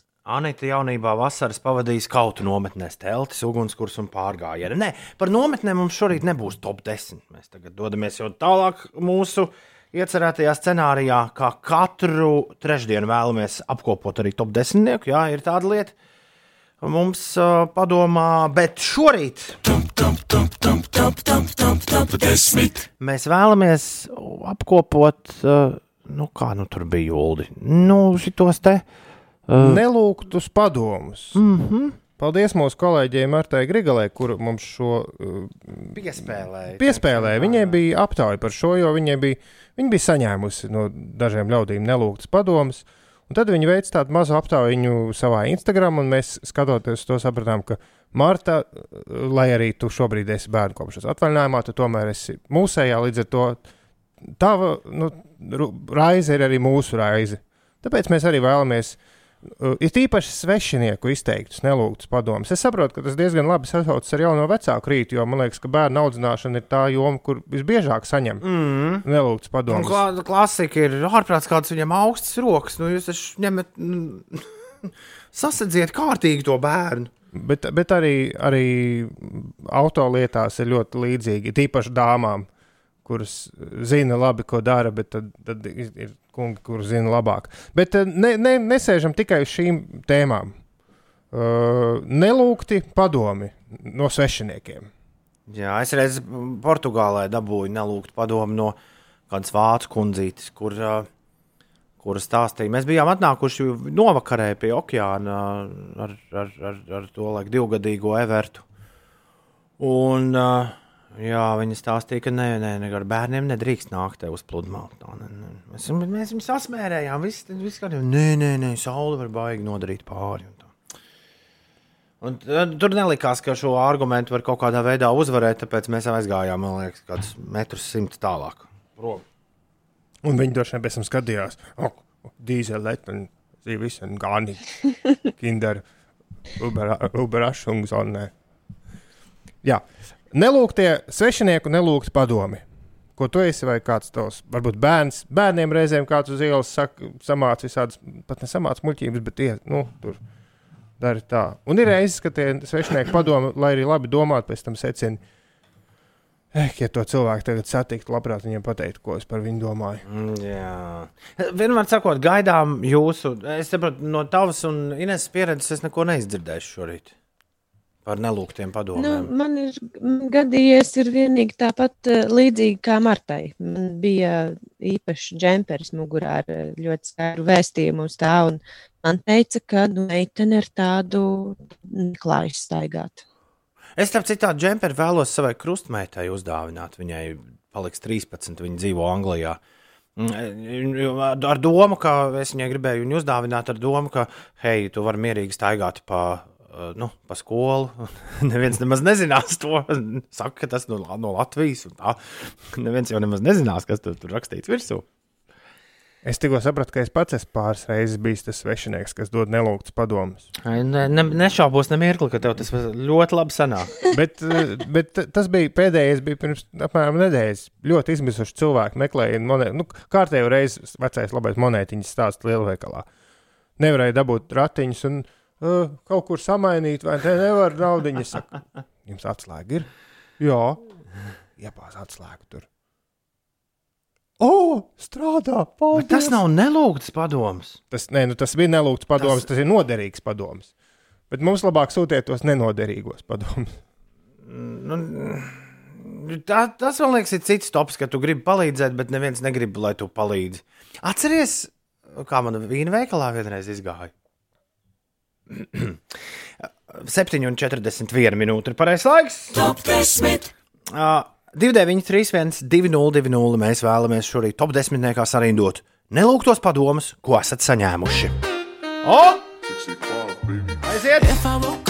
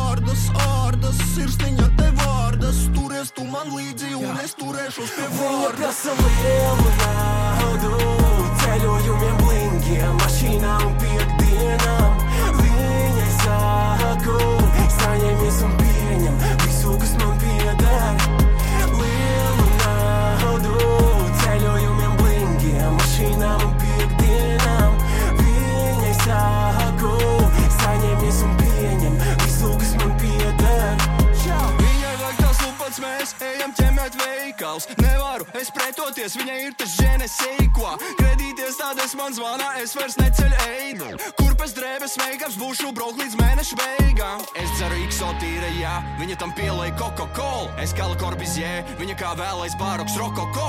Puiki spēlē tronu, izmet naudu zeltracēs. Ja tev meiča nepalīdz pelnīt, jūs nepatēs. Viņa prasa, lai es pagarinu kredītlīniju, nesaprotot, ka to līniju ir kādam jādzēš. Viņa saka, ka es padarīšu viņu laimīgu, un ja teikšu ne, tad viņa zina, ka šito mācēs. Reibinoši kā Paula notis, viņas krūtis, manas rotas, viņas nūdeles, mani rēķini. Šitā katru nedēļu vecais tagad rēķini. Elles vārtiņiem bija lenču un nakt vaļā vērties. Esmu goda vīrs, tāpēc nāksies apprecēties. Es tev saku, viņa ir kaut kas cits. Jā, jā, viņa prasa lielu naudu, ceļojumiem, blinkiem, mašīnām un piekdienām. Viņai saku, saņemies un pieņem visu, kas man pieder.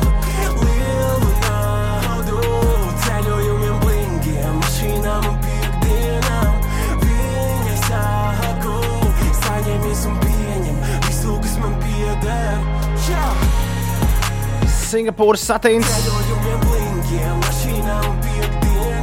Blingi 7,47.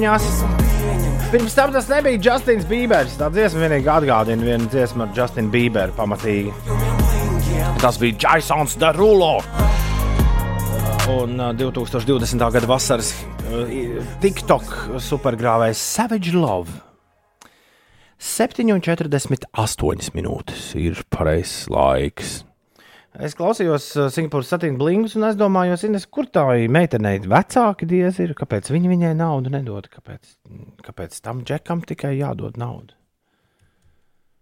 Kā viņa liela meitene ir, kāpēc, lai viņa prasītu vecākiem naudu? Man liekas, ka arī liels, me- man, man tāds priekšstats, ka liels meitenes arī prasa. Viņas ne tikai ne- neraud, bet viņas arī prasa naudu vecākiem. Nē, man liekas, tev bieži vien priekšstati ir diezgan nepareizi. Ir 7,48. Labrīt! Ines, labāk strūns par priekšstatiem pastāst, kas notiek. Jā, labāk pastāstīšu par uh, lietām, kas interesē droši vien autovadītājus, kas pārvietojas pa Rīgas ielām. Kārļa Ulmaņa gada pagrieziens uz vienības gatavu šobrīd ir izbraucams aptuveni 7 minūšu laikā. Krustpils ielā posmā Encēnu ielas līdz Granīta ielai kavēsieties 9 minūtes. Un uh, citas ierastajās sastrēgumu vietās gan pavadāmais laiks ir visai neliels, aptuveni 2 līdz 3 minūtes. Sveiciens tiem, kas uz Jēlgavas šoseis dodas Rīgas virzienā, posmā no Dabas līdz Jaunolēnai ir jāpavada aptuveni 16 minūtes. Vēl par nu, dažādām interesantām lietām, kas tajā notiek Latvijas dabas muzejā. No šodienas būs skatāma Lainas Kainaizes un Gundas Bauskas gleznu izstāde Koki Diško. Izstāde būs atvērta līdz 16. augustam, un to papildinās arī dabas muzeja krājuma priekšmeti. Šodien Latvijas laikmetīgās keramikas centra pagalmā Daugavpils cietoksnī tiks atklāta brīvdabas izstāžu vitrīna, kurā būs skatāma 8. starptautiskā keramikas mākslas simpozija dalībnieku darbu izstāde, un Dinteru koncertzālē no šodienas līdz 4. augustam norisināsies 6. jūrmālas festivāls, kuru atklās Sergejs Andrejs un Georgijas Osokini. Par laikapstākļiem diena gaidām visai lietaini, iespējams arī pērkona negaiss, vēja brāzmas un vietām arī krusta gaisa temperatūra plus 16, plus 20 grādi. Ir bez desmit minūtēm astoņi. Top desmitniekā mēs šodien kolekcionējam nelūgtus padomus, ko jums kāds ir izdevis. Un top desmit būs jau vēterā burtiski tūdaļ pat. Tāpēc pēdējais brīdis kādu nelūgto padomu iesūtīt uz 293, 202, un laiks šīs trešdienas top desmitniekam. Top 10. Šorīt top desmitniekā nelūgtie padomi. Kas ir numur desmitines?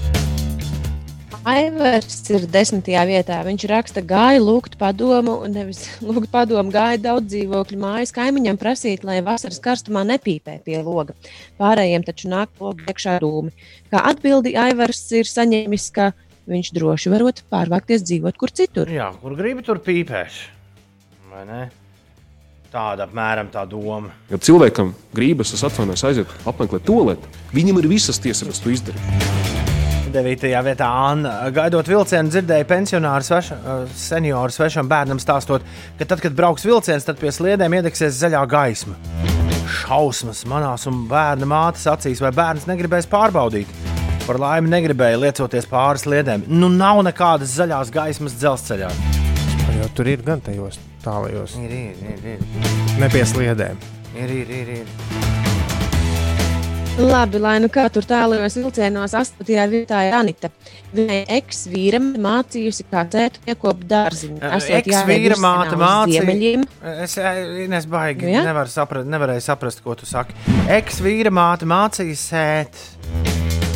Jā, Un kā ir ir jāsēt? jāsait tātad virzienā uz ziemeļiem. Dobas ir jāveido paralēli malai un vēl visādi padomi.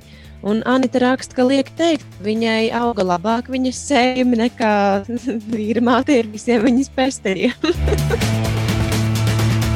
Septītajā pozīcijā Kivī. Veikalā krāpējot pārtiku maisiņā, kaut kur tuvu apakšā iemetu šokolādes tāfelīti, un pārdevēja sāka padomot. Padomot, tur salūzīs. Un tā tālāk, uz ko atbildēja, ka vēdā tāpat salūzīs. Un, un arī pielikt klāt septītajai vietai. Viņa raksta sen, sen atpakaļ manām draudzenēm, kuras vēlējās kādā maskačkas mazveikalā iegādāties bulciņas. Pārdevēja teica, varbūt labāk nevajag. mīlīgi, mīlīgi. Sestajā vietā Misters Āgenskalns, bet laikam tomēr Miss Āgenskalne būtu jāsaka. Nelūgties padoms. Braucu autobusā ar savu draugu, kuram pirms pāris nedēļām bija bijusi diezgan nejauka operācija. Autobus bija pilns, es stāvēju, draugs sēdēja. Pretī sēdošā tante uzsāka pamatīgu lekciju draugam par to, ka džentlmeņi tomēr laižot meitenes apsēsties. Tā viņa dara, tā viņa dara. Jā, jā, jā. Piektajā vietā es mizoju kartupeļus. Māma varbūt izmanto mizojumu. Es mizoju kartupeļus, un mamma man saka, varbūt izmanto mizojumu nazi. Un es, eh, kamēr rīvēju kartupeli pret asfaltu, saku, es pats tikšu galā. Tas ir, nav, nebija ienācis prātā pret asfaltu mizot kartupeļus vai flīzi kaut Ļoti kādu labi veltīt. ideja, ļoti labi ideja. Uldim būs jāpamēģina. Ceturtajā vietā ir Irēna. Viņa raksta, ka viena kolēģe esot viņai ieteikusi nedzert gāzēto ūdeni, jo no tā celulīts veidojoties. Ne tikai celulīts vien. Es arī esmu šo dzirdējis. Tirgojos ar mājas kūpinājumiem, un pa lielam katru otro dienu jādzer padomu, kā labāk kūpināt gaļu, kā vectēvs kūpinājis un ar kādu malku garšīgāk sadāk. Skaidra lieta, kūpināt un šāφlīgs uzcept katrs latviečs labāk prot pa citu. Šau, Otrajā bro! vietā mums ir kāds anonīms eh, klausītājs, eh, kas raksta, bezjēdzīgākais padoms ir, eh, ka tev pasaka, nebaidies vai nestreso. Kas tas vispār ir? Padoms vai pavēle? Jā, nebaidies. Kā nebaidies? nebaidies. Kaivai pirmā pozīcija, un to viņa arī dāla ar Liku un vēl kādu sūtītāju. Labrīt, piecīši padalos ar trīs nelūgtajiem padomiem. Ir vairāk kārt bijuši tādi komentāri, taču pamatā komentāri bijuši par bērnu apģērbu veikalā. Man no blakus kabīnes uzbrēca, ka esmu drausmīga māte, jo turpinu garderobē ģērbties, kamēr man bērns raud, uh, mans bērns raud pie savu tēvu uz rokām turēts un ucināts.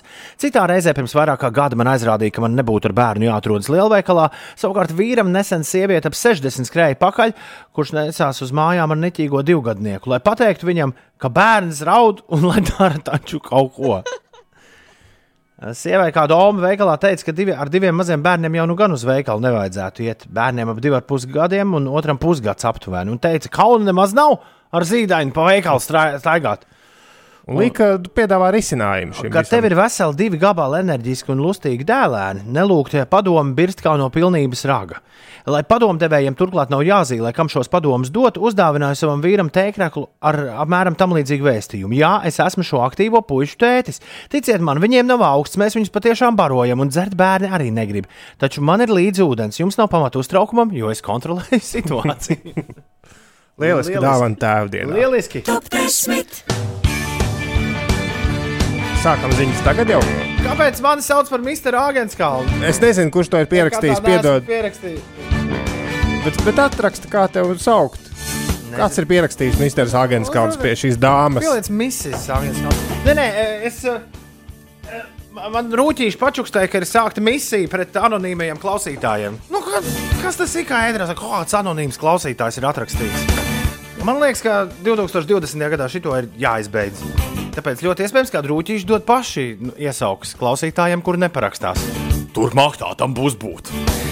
Ir trešdiena, 22. jūlijas, ir 2020. gads. Skan Latvijas radio 5, 5 LV, šis ir raidījums 5 rīti. Un neticami, tūdaļ, pa, ja jūs zinātu, kas tūdaļ pat skanēs ēterā. Uh, um, Skaitām kopā. Desmit, deviņi, astoņi, septiņi, seši, pieci, trīs, divi, viens. Prāta vētra, Coldplay, James Blakes, The XX, Billie Eilish, Arcade Fire, Bandmaster. Šo un vairāk nekā 50 citu mūziķu koncertu ierakstus dzirdēsi Piecēlvē dzimšanas dienas festivālā no 23. līdz 25. jūlijam. Tiekamies!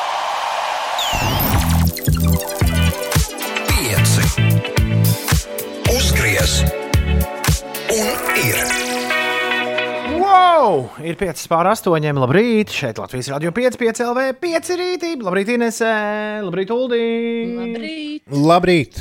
Klau! Kas tas tās ir 5 festivāli? Kur, kur tāds būs? Jau rītvakar! Ēterā. Tas sākas. Tas būs ēterā. Jā, šobrīd festivāli ir tur, kur esi tu. Nu, ja tie ir, ja tie nav atcelti pavisam. Nu, dažos vārdos sakot, sākot no 4. vakara līdz pat uh, agram svētdienas rītam, Latvijas radio 5, 5 LV ēterā galvenokārt skanēs dzīvi koncertu ieraksti no ļoti slavenām grupām. Un vēl vienkāršāk sakot, būs tāds ēters, ka jāsēž visu laiku pie radio. Nu, vai pie aplikācijas, vai pie. Vai pie. Vai pie? Vai Uh, pie? viedi, viedierīces. Jā, Nu. jā, droši. Mums bija, mums bija plānīši doties pašiem visiem kopā kaut kur, tā teikt, festivālu pārsēst. Un uh, laika prognoze, diemžēl, mums rāda, ka ir kā ir. Ar, uh, ar dzīvošanos ārā, nu vismaz Latvijas galvaspilsētas apriņķī. Jā, jo, ja ir Jā, Toms Britis arī tikko tieši raksta, ka tāds siltāks, vasarīgāks laiks kļūst no svētdienas tikai. Tieši tā kā mums nevajag. Jā, un ja Vakar rādījās laba sestdiena. Šis ir interesanti. Va- Vakar rādījās lieliska sestdiena. Tagad rādās vairs tikai lieliska pussestdiena. Savukārt pēc tam sola, sākot no svētdienas, smuku laiciņu. Un uh, plus 24 jau nākamā pirmdiena būšot. Bet tieši tā, kad mēs izdomājām taisīt festivālu, tad lūdzu, gāžu kā ar spaiņiem. Nē, nu, svarīgākais ir tas, ka mēs būsim ēterā. Turklāt būsim arī visādos nu, neparastos laikos un visādās mini-intervijās, nu, kas nozīmē, ka ēters būs tāds kā svētku ēters. Jo dzimšanas diena galu galā, tāpēc ir dzimšanas dienas festivāls. Jā, dzimšanas dienas festivāls. Uh, arī grupu dzīvās uzstāšanās dažas. Es nezinu, cik daudz par tām stāstīts. Vai Man šķiet- vispār man šķiet, stāst? ka, mm, Īpa, īpaši nē, īpa, īpaši nav. Arī tās neviens nav atcēlis. Un kas, kas mums vēl būs? Intervijas, koncerti, koncerti, intervijas. Zoom balīti taču.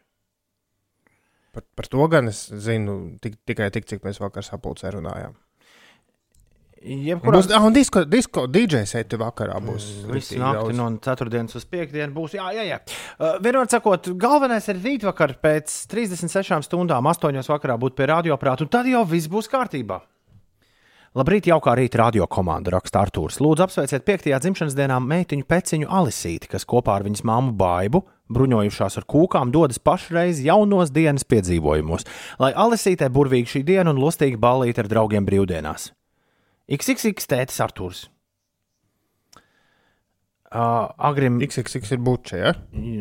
Laikam, jā. Mē, Peciņa Alisī, Al Alisītē, daudz laimes dzimšanas dienā tev. Tev šodien dzīmēnī. Labrīt, pieci. Vai ir normāli, ka sastrēguma laikā no Ulbrokas uz Lubānu sapli sastrēguma laikā brauc uzkrauts baļķa vedējs sastrēguma laikā? Sastrēguma laikā, Sastrēguma laikā. sastrēguma laukā, jā. Kāpēc Nu- viņš brauc uzkrautais ba baļķa vedējs? Pajautātu viņam, viņš teiktu, ka jā, tas ir normāli. Un pie tā mēs visticamāk arī pagaidām paliksim. Ir 9 minūtes pār 8. Labrīt! Ei! Amilau! Dun, dun, dun, dun! Dun, dun, dun, dun, dun, dun, dun. Šeit Latvijas Rādio 5,5 LV. 5 rītī. Kostas Riga Latvijā! Cēlies augšā! Šodien diena, kad uh, Jānis Ziedi un Dzēji jāskaita Marijai, Marikai un Marinai. Marija, Marika un Marina ierakstīts kalendārā. Amerikāņu komiķim Davidam Speidam ir dzimšanas diena. Daudz laimes viņam, dziedātājai Selēnai Gomezai ir dzimšanas diena. Amerikāņu ģitāristam, dziesminiekam un producentam Aldime Olam, džēza vīram, ir svētki. Vilamam Defo, amerikāņu aktierim, ir dzimšanas diena. Franka Potente, vācu aktrises svin dzimšanas dienu, un mazais Kembridžas princis Džordžs svin dzimšanas dienu. Daudz laimes dzimšanas dienā! Džordžs! Ir desmit pār astoņiem. Šis ir pieci.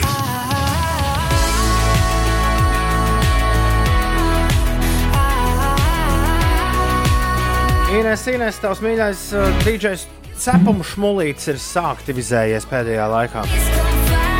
Tad šis sastrādājis. Uh, nu, rekur, šis ir viens, viņ, viņ, viņam vairāk gabalu šobrīd ir piecēlē playlistē. Šis ir kopā ar Helsiju skaņdarbs Be Kind. Pirms tam Carnival jūs un Zagūzes balss, jeb kā aicis saka, fantastik, kuku.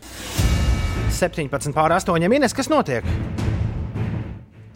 Nu, Par gaidāmajām eh, dienām, gaidāmo laika prognozi. Tuvākajās dienās lielu izmaiņu laika nebūs. Vasarīgs kļūs tikai no svētdienas. Tā liecina jaunākās prognozes. Rīt parīt joprojām ik pa laikam gaidāms lietus, vai arī pērkona negaiss.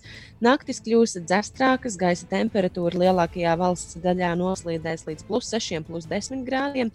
Piekrastē mazliet siltāks, savukārt dienā plus 16, plus 21 grādu silts. Sestdien īslaicīga līs galvenokārt līdz dienas vidum, bet pēcpusdienā un vakarā jau būs pārsvarā saulains un sauss laiks. Būs plus 20, plus 25 grādu silts uh, svētdien. Un nākamā nedēļa laiks saglabāsies nepastāvīgs. Ik pa laikam uznāks gan lietus, gan būs saulainākas uh, dienas, taču būs siltāks nekā šonadēļ. Gaisa temperatūra pēcpusdienās nākamā nedēļa lielākoties sasniegs plus 20, plus 25 grādu robežu. Klimata sasilšanas dēļ izkūstot ledājiem, ar vien apdraudētāk kļūst vieni no pasaules varenākajiem dzīvniekiem - polārlāči. Tā secināts Toronto Universitātes pētījumā. Lai piekļūtu savam medījumam ziemeļos, eh, lāčiem ir nepieciešams ledus, kas veidojas uz atklātiem ūdeņiem, taču leduma vasaras periodā izkūstot, ziemeļlāčiem ir jāatkāpjas vairāk sauszemē, un tur nu, viņiem varētu nu, klāties plāni. Nevarētu viņi tik viegli izdzīvot no savām tauku rezervēm. Un zinātnieki norāda, ka, ja šāda tendence saglabāsies, tad Baltijas lāči līdz 2100. gadam pavisam varētu izzust no pasaules. Uh, neticam, nu pat viens vēl bez zoodārzā bija. Žārēji gaļīgi! Uh, nāks brīvdienas, un tā kā uzžārēs. Šaubu nav. Latvijas reps 8,23. Labrīt, trešdienā! Celies, celies, vēlies, vēlies!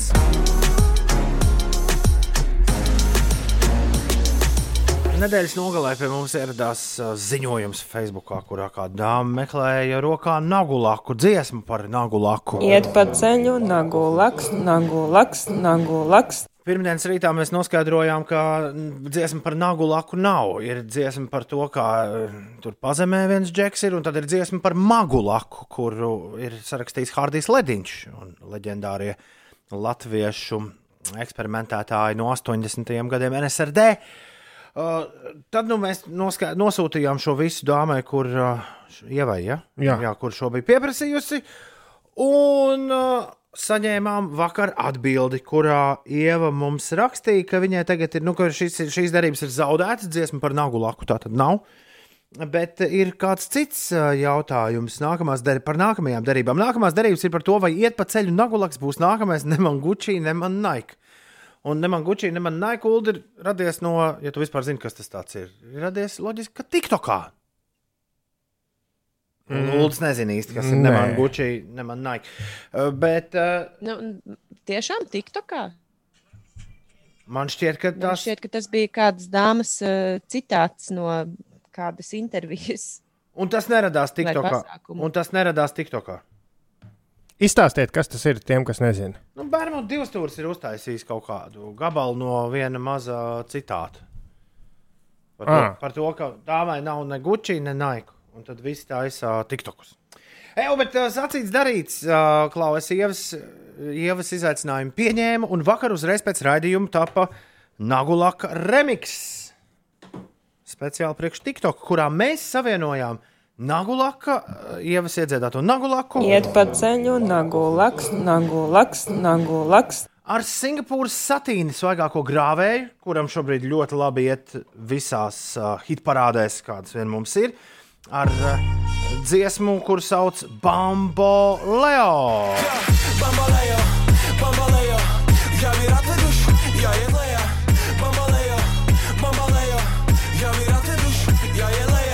mēs saliekam kopā Nagulaku ar Bambo Leo, tad sanāk šādi.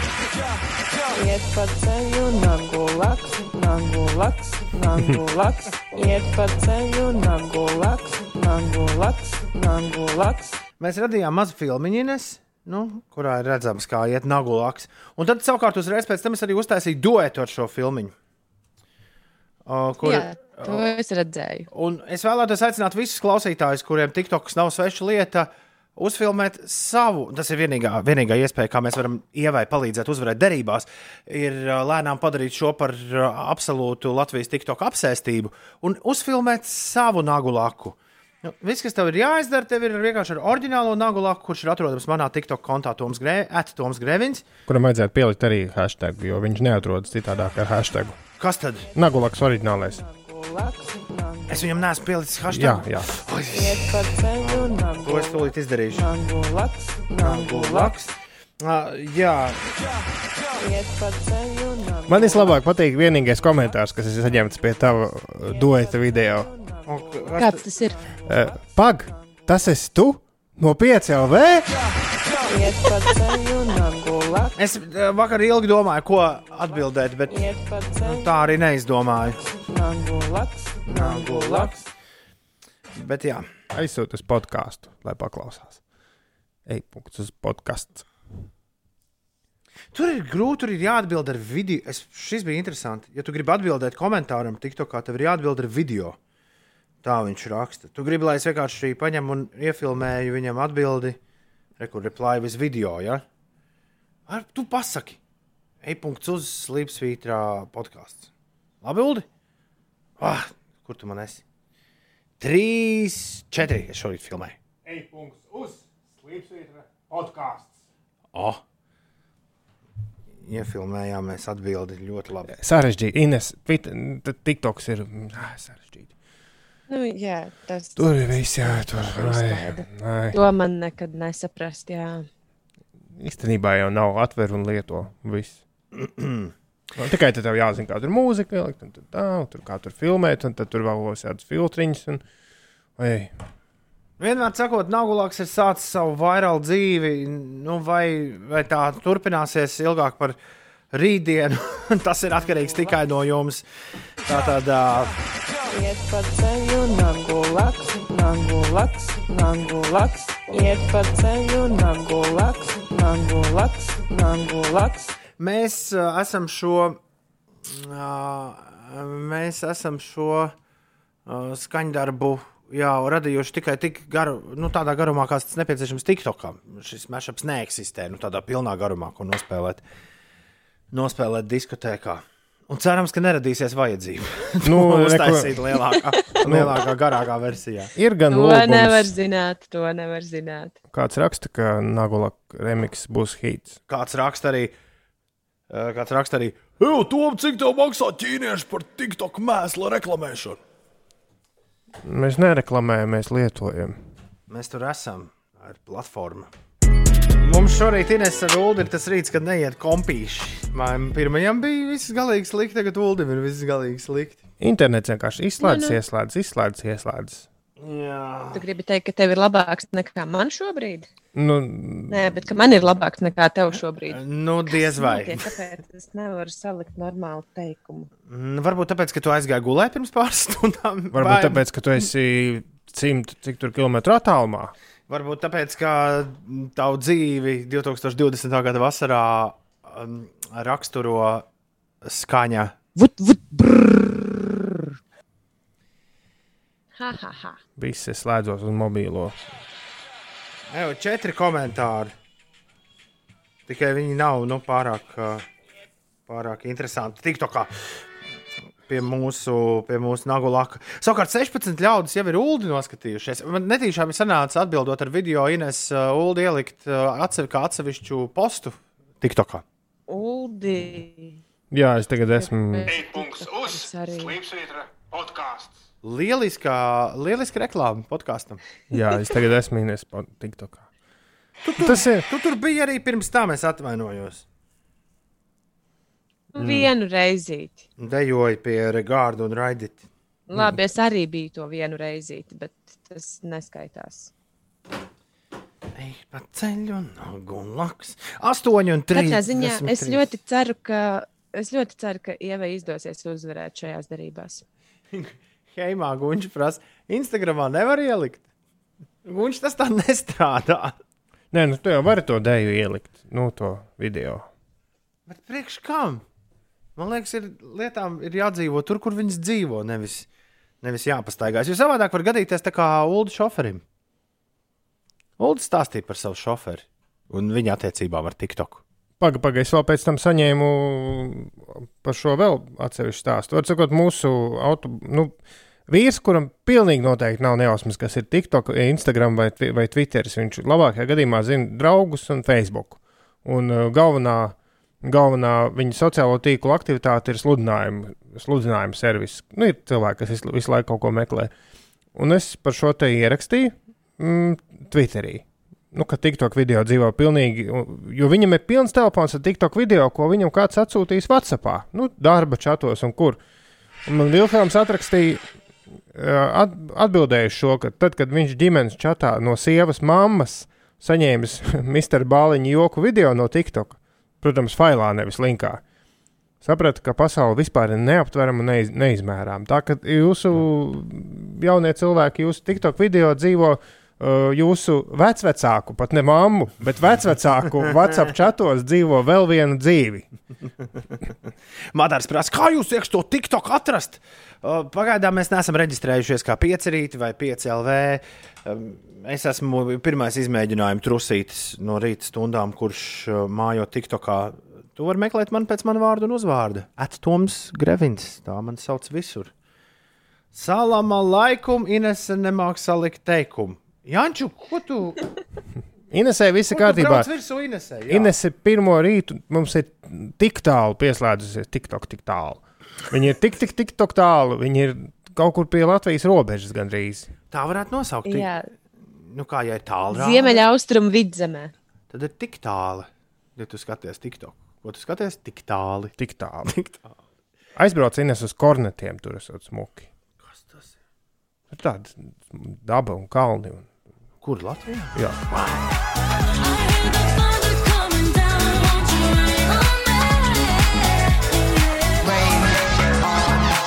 Kāpēc līst šonadēļ? Tāpēc, ka viņas piesauc to šitā te, kas visu laiku pēc Madonas aizvien vairāk sāk izklausīties. Ledija Gāga ir pie visa vainīga. Rain on me, līstin man virsū. Nu, kas tā pa dziesmu tāda? 8,42. Labrīt! Ines! Kuku, kuku! Pastāst mums, kas, not, kas notiek, kas notiek, kas, kas karsts. Nu, sākšu ar ārzemju vēstījumu. Tokijā ieviestas patruļas, lai uzraudzītu Covid-19 izplatības pasākumu ievērošanu naktsklubos un bāros.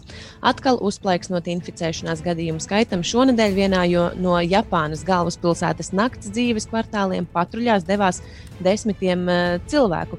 Viņi sadalījās grupās un patrulētāji kopā ar amatpersonām apmeklēja klubus, aicinot īpašniekus un darbiniekus ļaut tās ieplūst svaigam gaisam vismaz reizi pusstundā, kā arī dezinficēt divānus un krēslus pēc katra uh, klienta. Uh, Jā, Japānas galvaspilsētā Tokijā atkal pieaudzis jaunu covid-19 saslimšanu gadījumu daudzums, un daļēji tajā tiek vainot cilvēku pulcēšanās bāros un izklaides vietās. Tālāk ārzemēs pašmājās tiem, kas brauc pa Jālgavas šoseju Rīgas virzienā no Jālgavas. uh, Jā, no Dabas līdz Jaunolēnai izskatās, ka sastrēgums ir diezgan mazinājies. Tur šobrīd jārēķinās ar aptuveni 10 minūšu kavēšanos. Savukārt Rīgas ielās jūrmālas gatave mazliet sastrēgusi. Tur 6 minūtes pavadīsiet posmā no dzirciena ielas uz eh, slokas ielu pa labi. Kārļa Ulmaņa gatavē arī aptuveni 5 minūšu kavēšanās, eh, savukārt Valmieras ielā 4 minūtes jāpierēķina klāt ceļam. Paskatās, šo nebija pamanījis, jo ievada Google Covid statistiku Latvijā. Uzreiz Google pati izmet tabuliņu ar saslimšanas gadījumiem. Tiesā pēdējie dati viņiem ir par 20. jūliju, kad bija trīs saslimušie. Uh, bet tā droši vien ir, kā šodien mums pateiks par iepriekšējo diennakti, un tas ieskatīsies 21. jūlijā, vai ne? Nu, man liekas, katru rītu ap 11. ir tas atjauninājums. Nu, kopš Nē, es domāju, labi, Japāna, Japāna, bet uh, kas pie mums notiek? Un kopš uh, kāda jūnija sākuma jau gribētos teikt, ka situācija tomēr par spīti visādiem mm, pasākumiem un nosodošiem, tā situācija tomēr ir diezgan stabila. Lūdzu, kaut ko baigi drukājnes. Un nesaka ne vārdiņu. Nu, īsti nav ko komentēt. Nu, jo neviens nezina, kas būs, un nu, vakardienas statistika neko neliecina par šodienas vai rītdienas statistiku.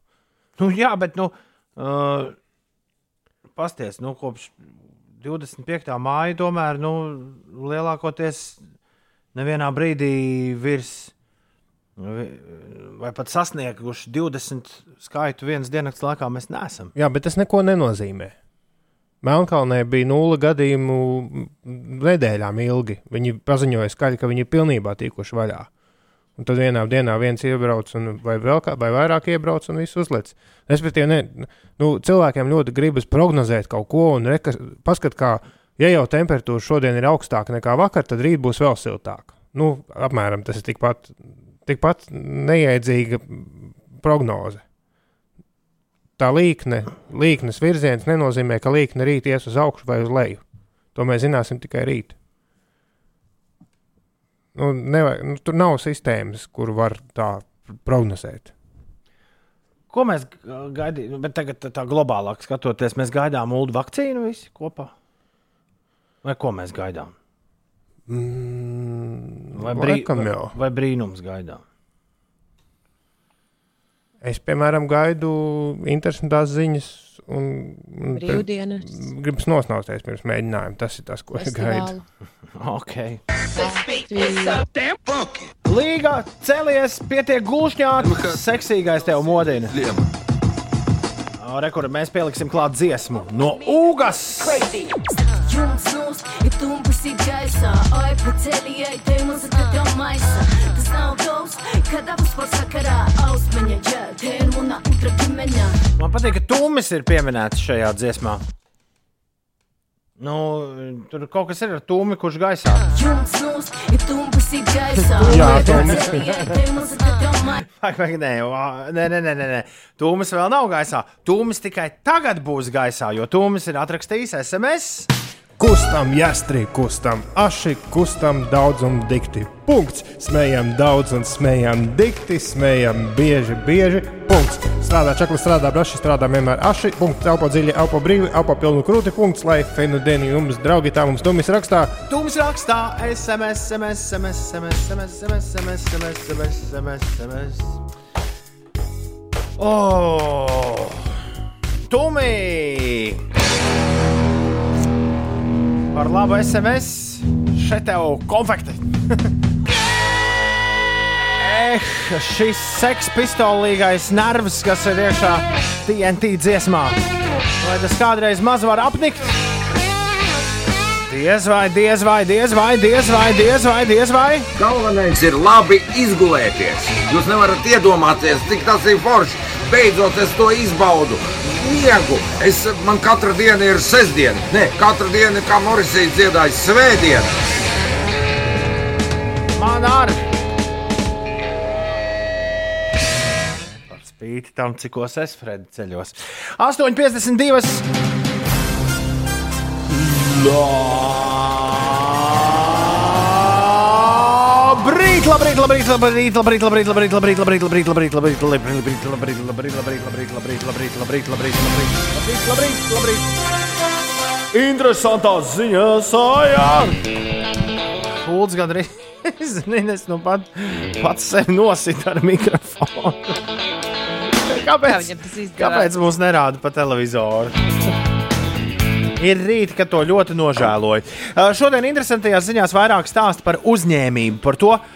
ko cilvēks spēj izdarīt, ja ļoti, ļoti vēlas. Kāds vīrs Ohio štatā, Amerikā, pirms septiņiem gadiem bija spiests atteikties no lietas, ko mīlējis vairāk par visu pasaulē, no amerikāņu kalniņiem. Atteikties nācies pavisam vienkārši iemesla dēļ. Jareds Reims ir pieņēmies svarā tik ļoti, ka viņu vairs nelaiduši amerikāņu kalniņos iekšā.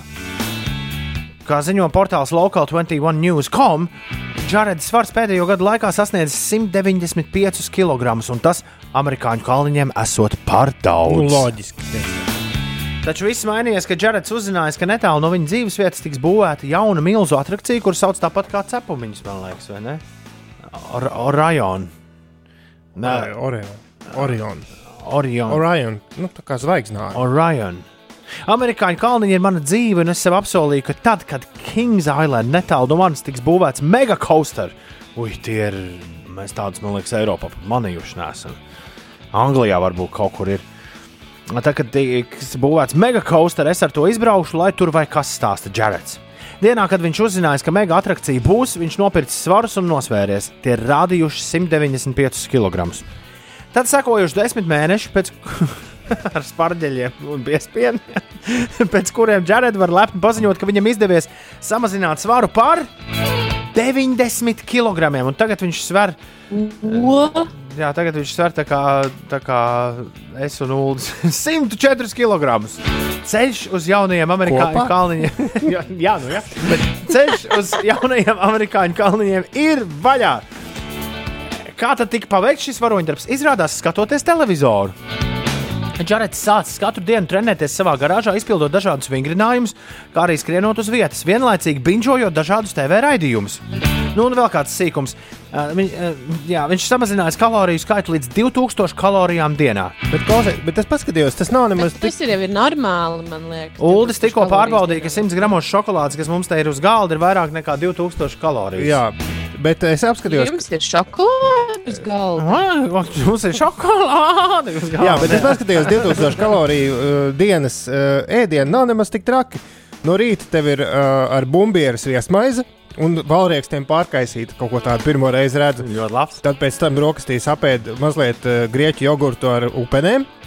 Tad ir uh, pusdieniņas ar, ar vārītu olu, cieta vārītu, un, un, un tādā pitas maizē tur visādi tomāti, kukurūza, nu tā dārzenīši. Tad pēcpusdienas sneka ir ābols un mazliet zemesrieksts sviests. Pusdienās ir vista ar pupiņām un burrito un pieciem, tur, pieciem tortillas čipšiem, nevis sešiem, bet pieciem. Un vakarā avenes. Bet, nu, paskatieties, 10 mēneši, 90 kg nost. Domāju, cik tu svērtu? es, es nesvērtu. Tāpēc es tā negribu. In, Ines, tu zini, kas ir 2005. gada ASV dokumentālā filma Earthlings? Nē, Tā ir filma, kurā stāsta par cilvēku attiecībām ar dzīvniekiem, par māju dzīvniekiem, dzīve, dzīvnieku paturēšanu, patērēšanu uzturā, drēbēm, izklaides nolūkiem, kā arī zinātniskiem pētījumiem. Filmai mūziku sarakstījis Mobijs, to ierunājis Žēkims Feniks. Bet vai zini, kāpēc šodien tā ir iespējams slavenākā filma pasaulē? Vai esi kaut ko esi dzirdējis par ķīlnieku krīzi Ukrajinā? Jā, Tur kāds, kāds vīrs bija, paņ, eh, bija saņēmis ciet autobusu ar ieroci, draudēja un bija diezgan liels tracis.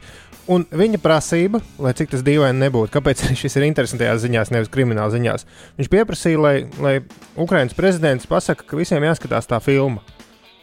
Prezidents to arī. varbūt Jā, tā varbūt bija akcija drīzāk. Kā Nē, nu, tā bija akcija, bet no Manifests, jā. akcija manifests, ar, kurā tu ar ieroci paņem cieta autobusu, parasti nu, viņš tik un tā sēdēs cietumā diezgan ilgi.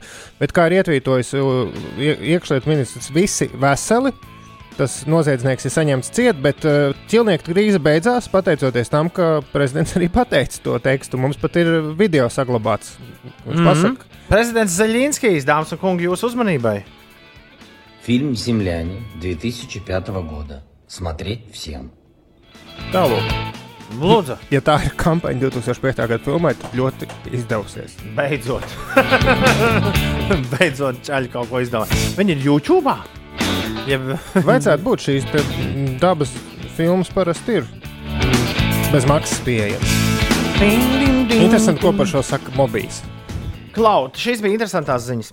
Bet man vēl interesē, Ines, eh, man liekas, baigi interesanti, ko tu šodien darīsi. Tu paliec eh, vēl vienu dienu tur, uh, pie nu, tomēr tāda šaubīgas kvalitātes interneta.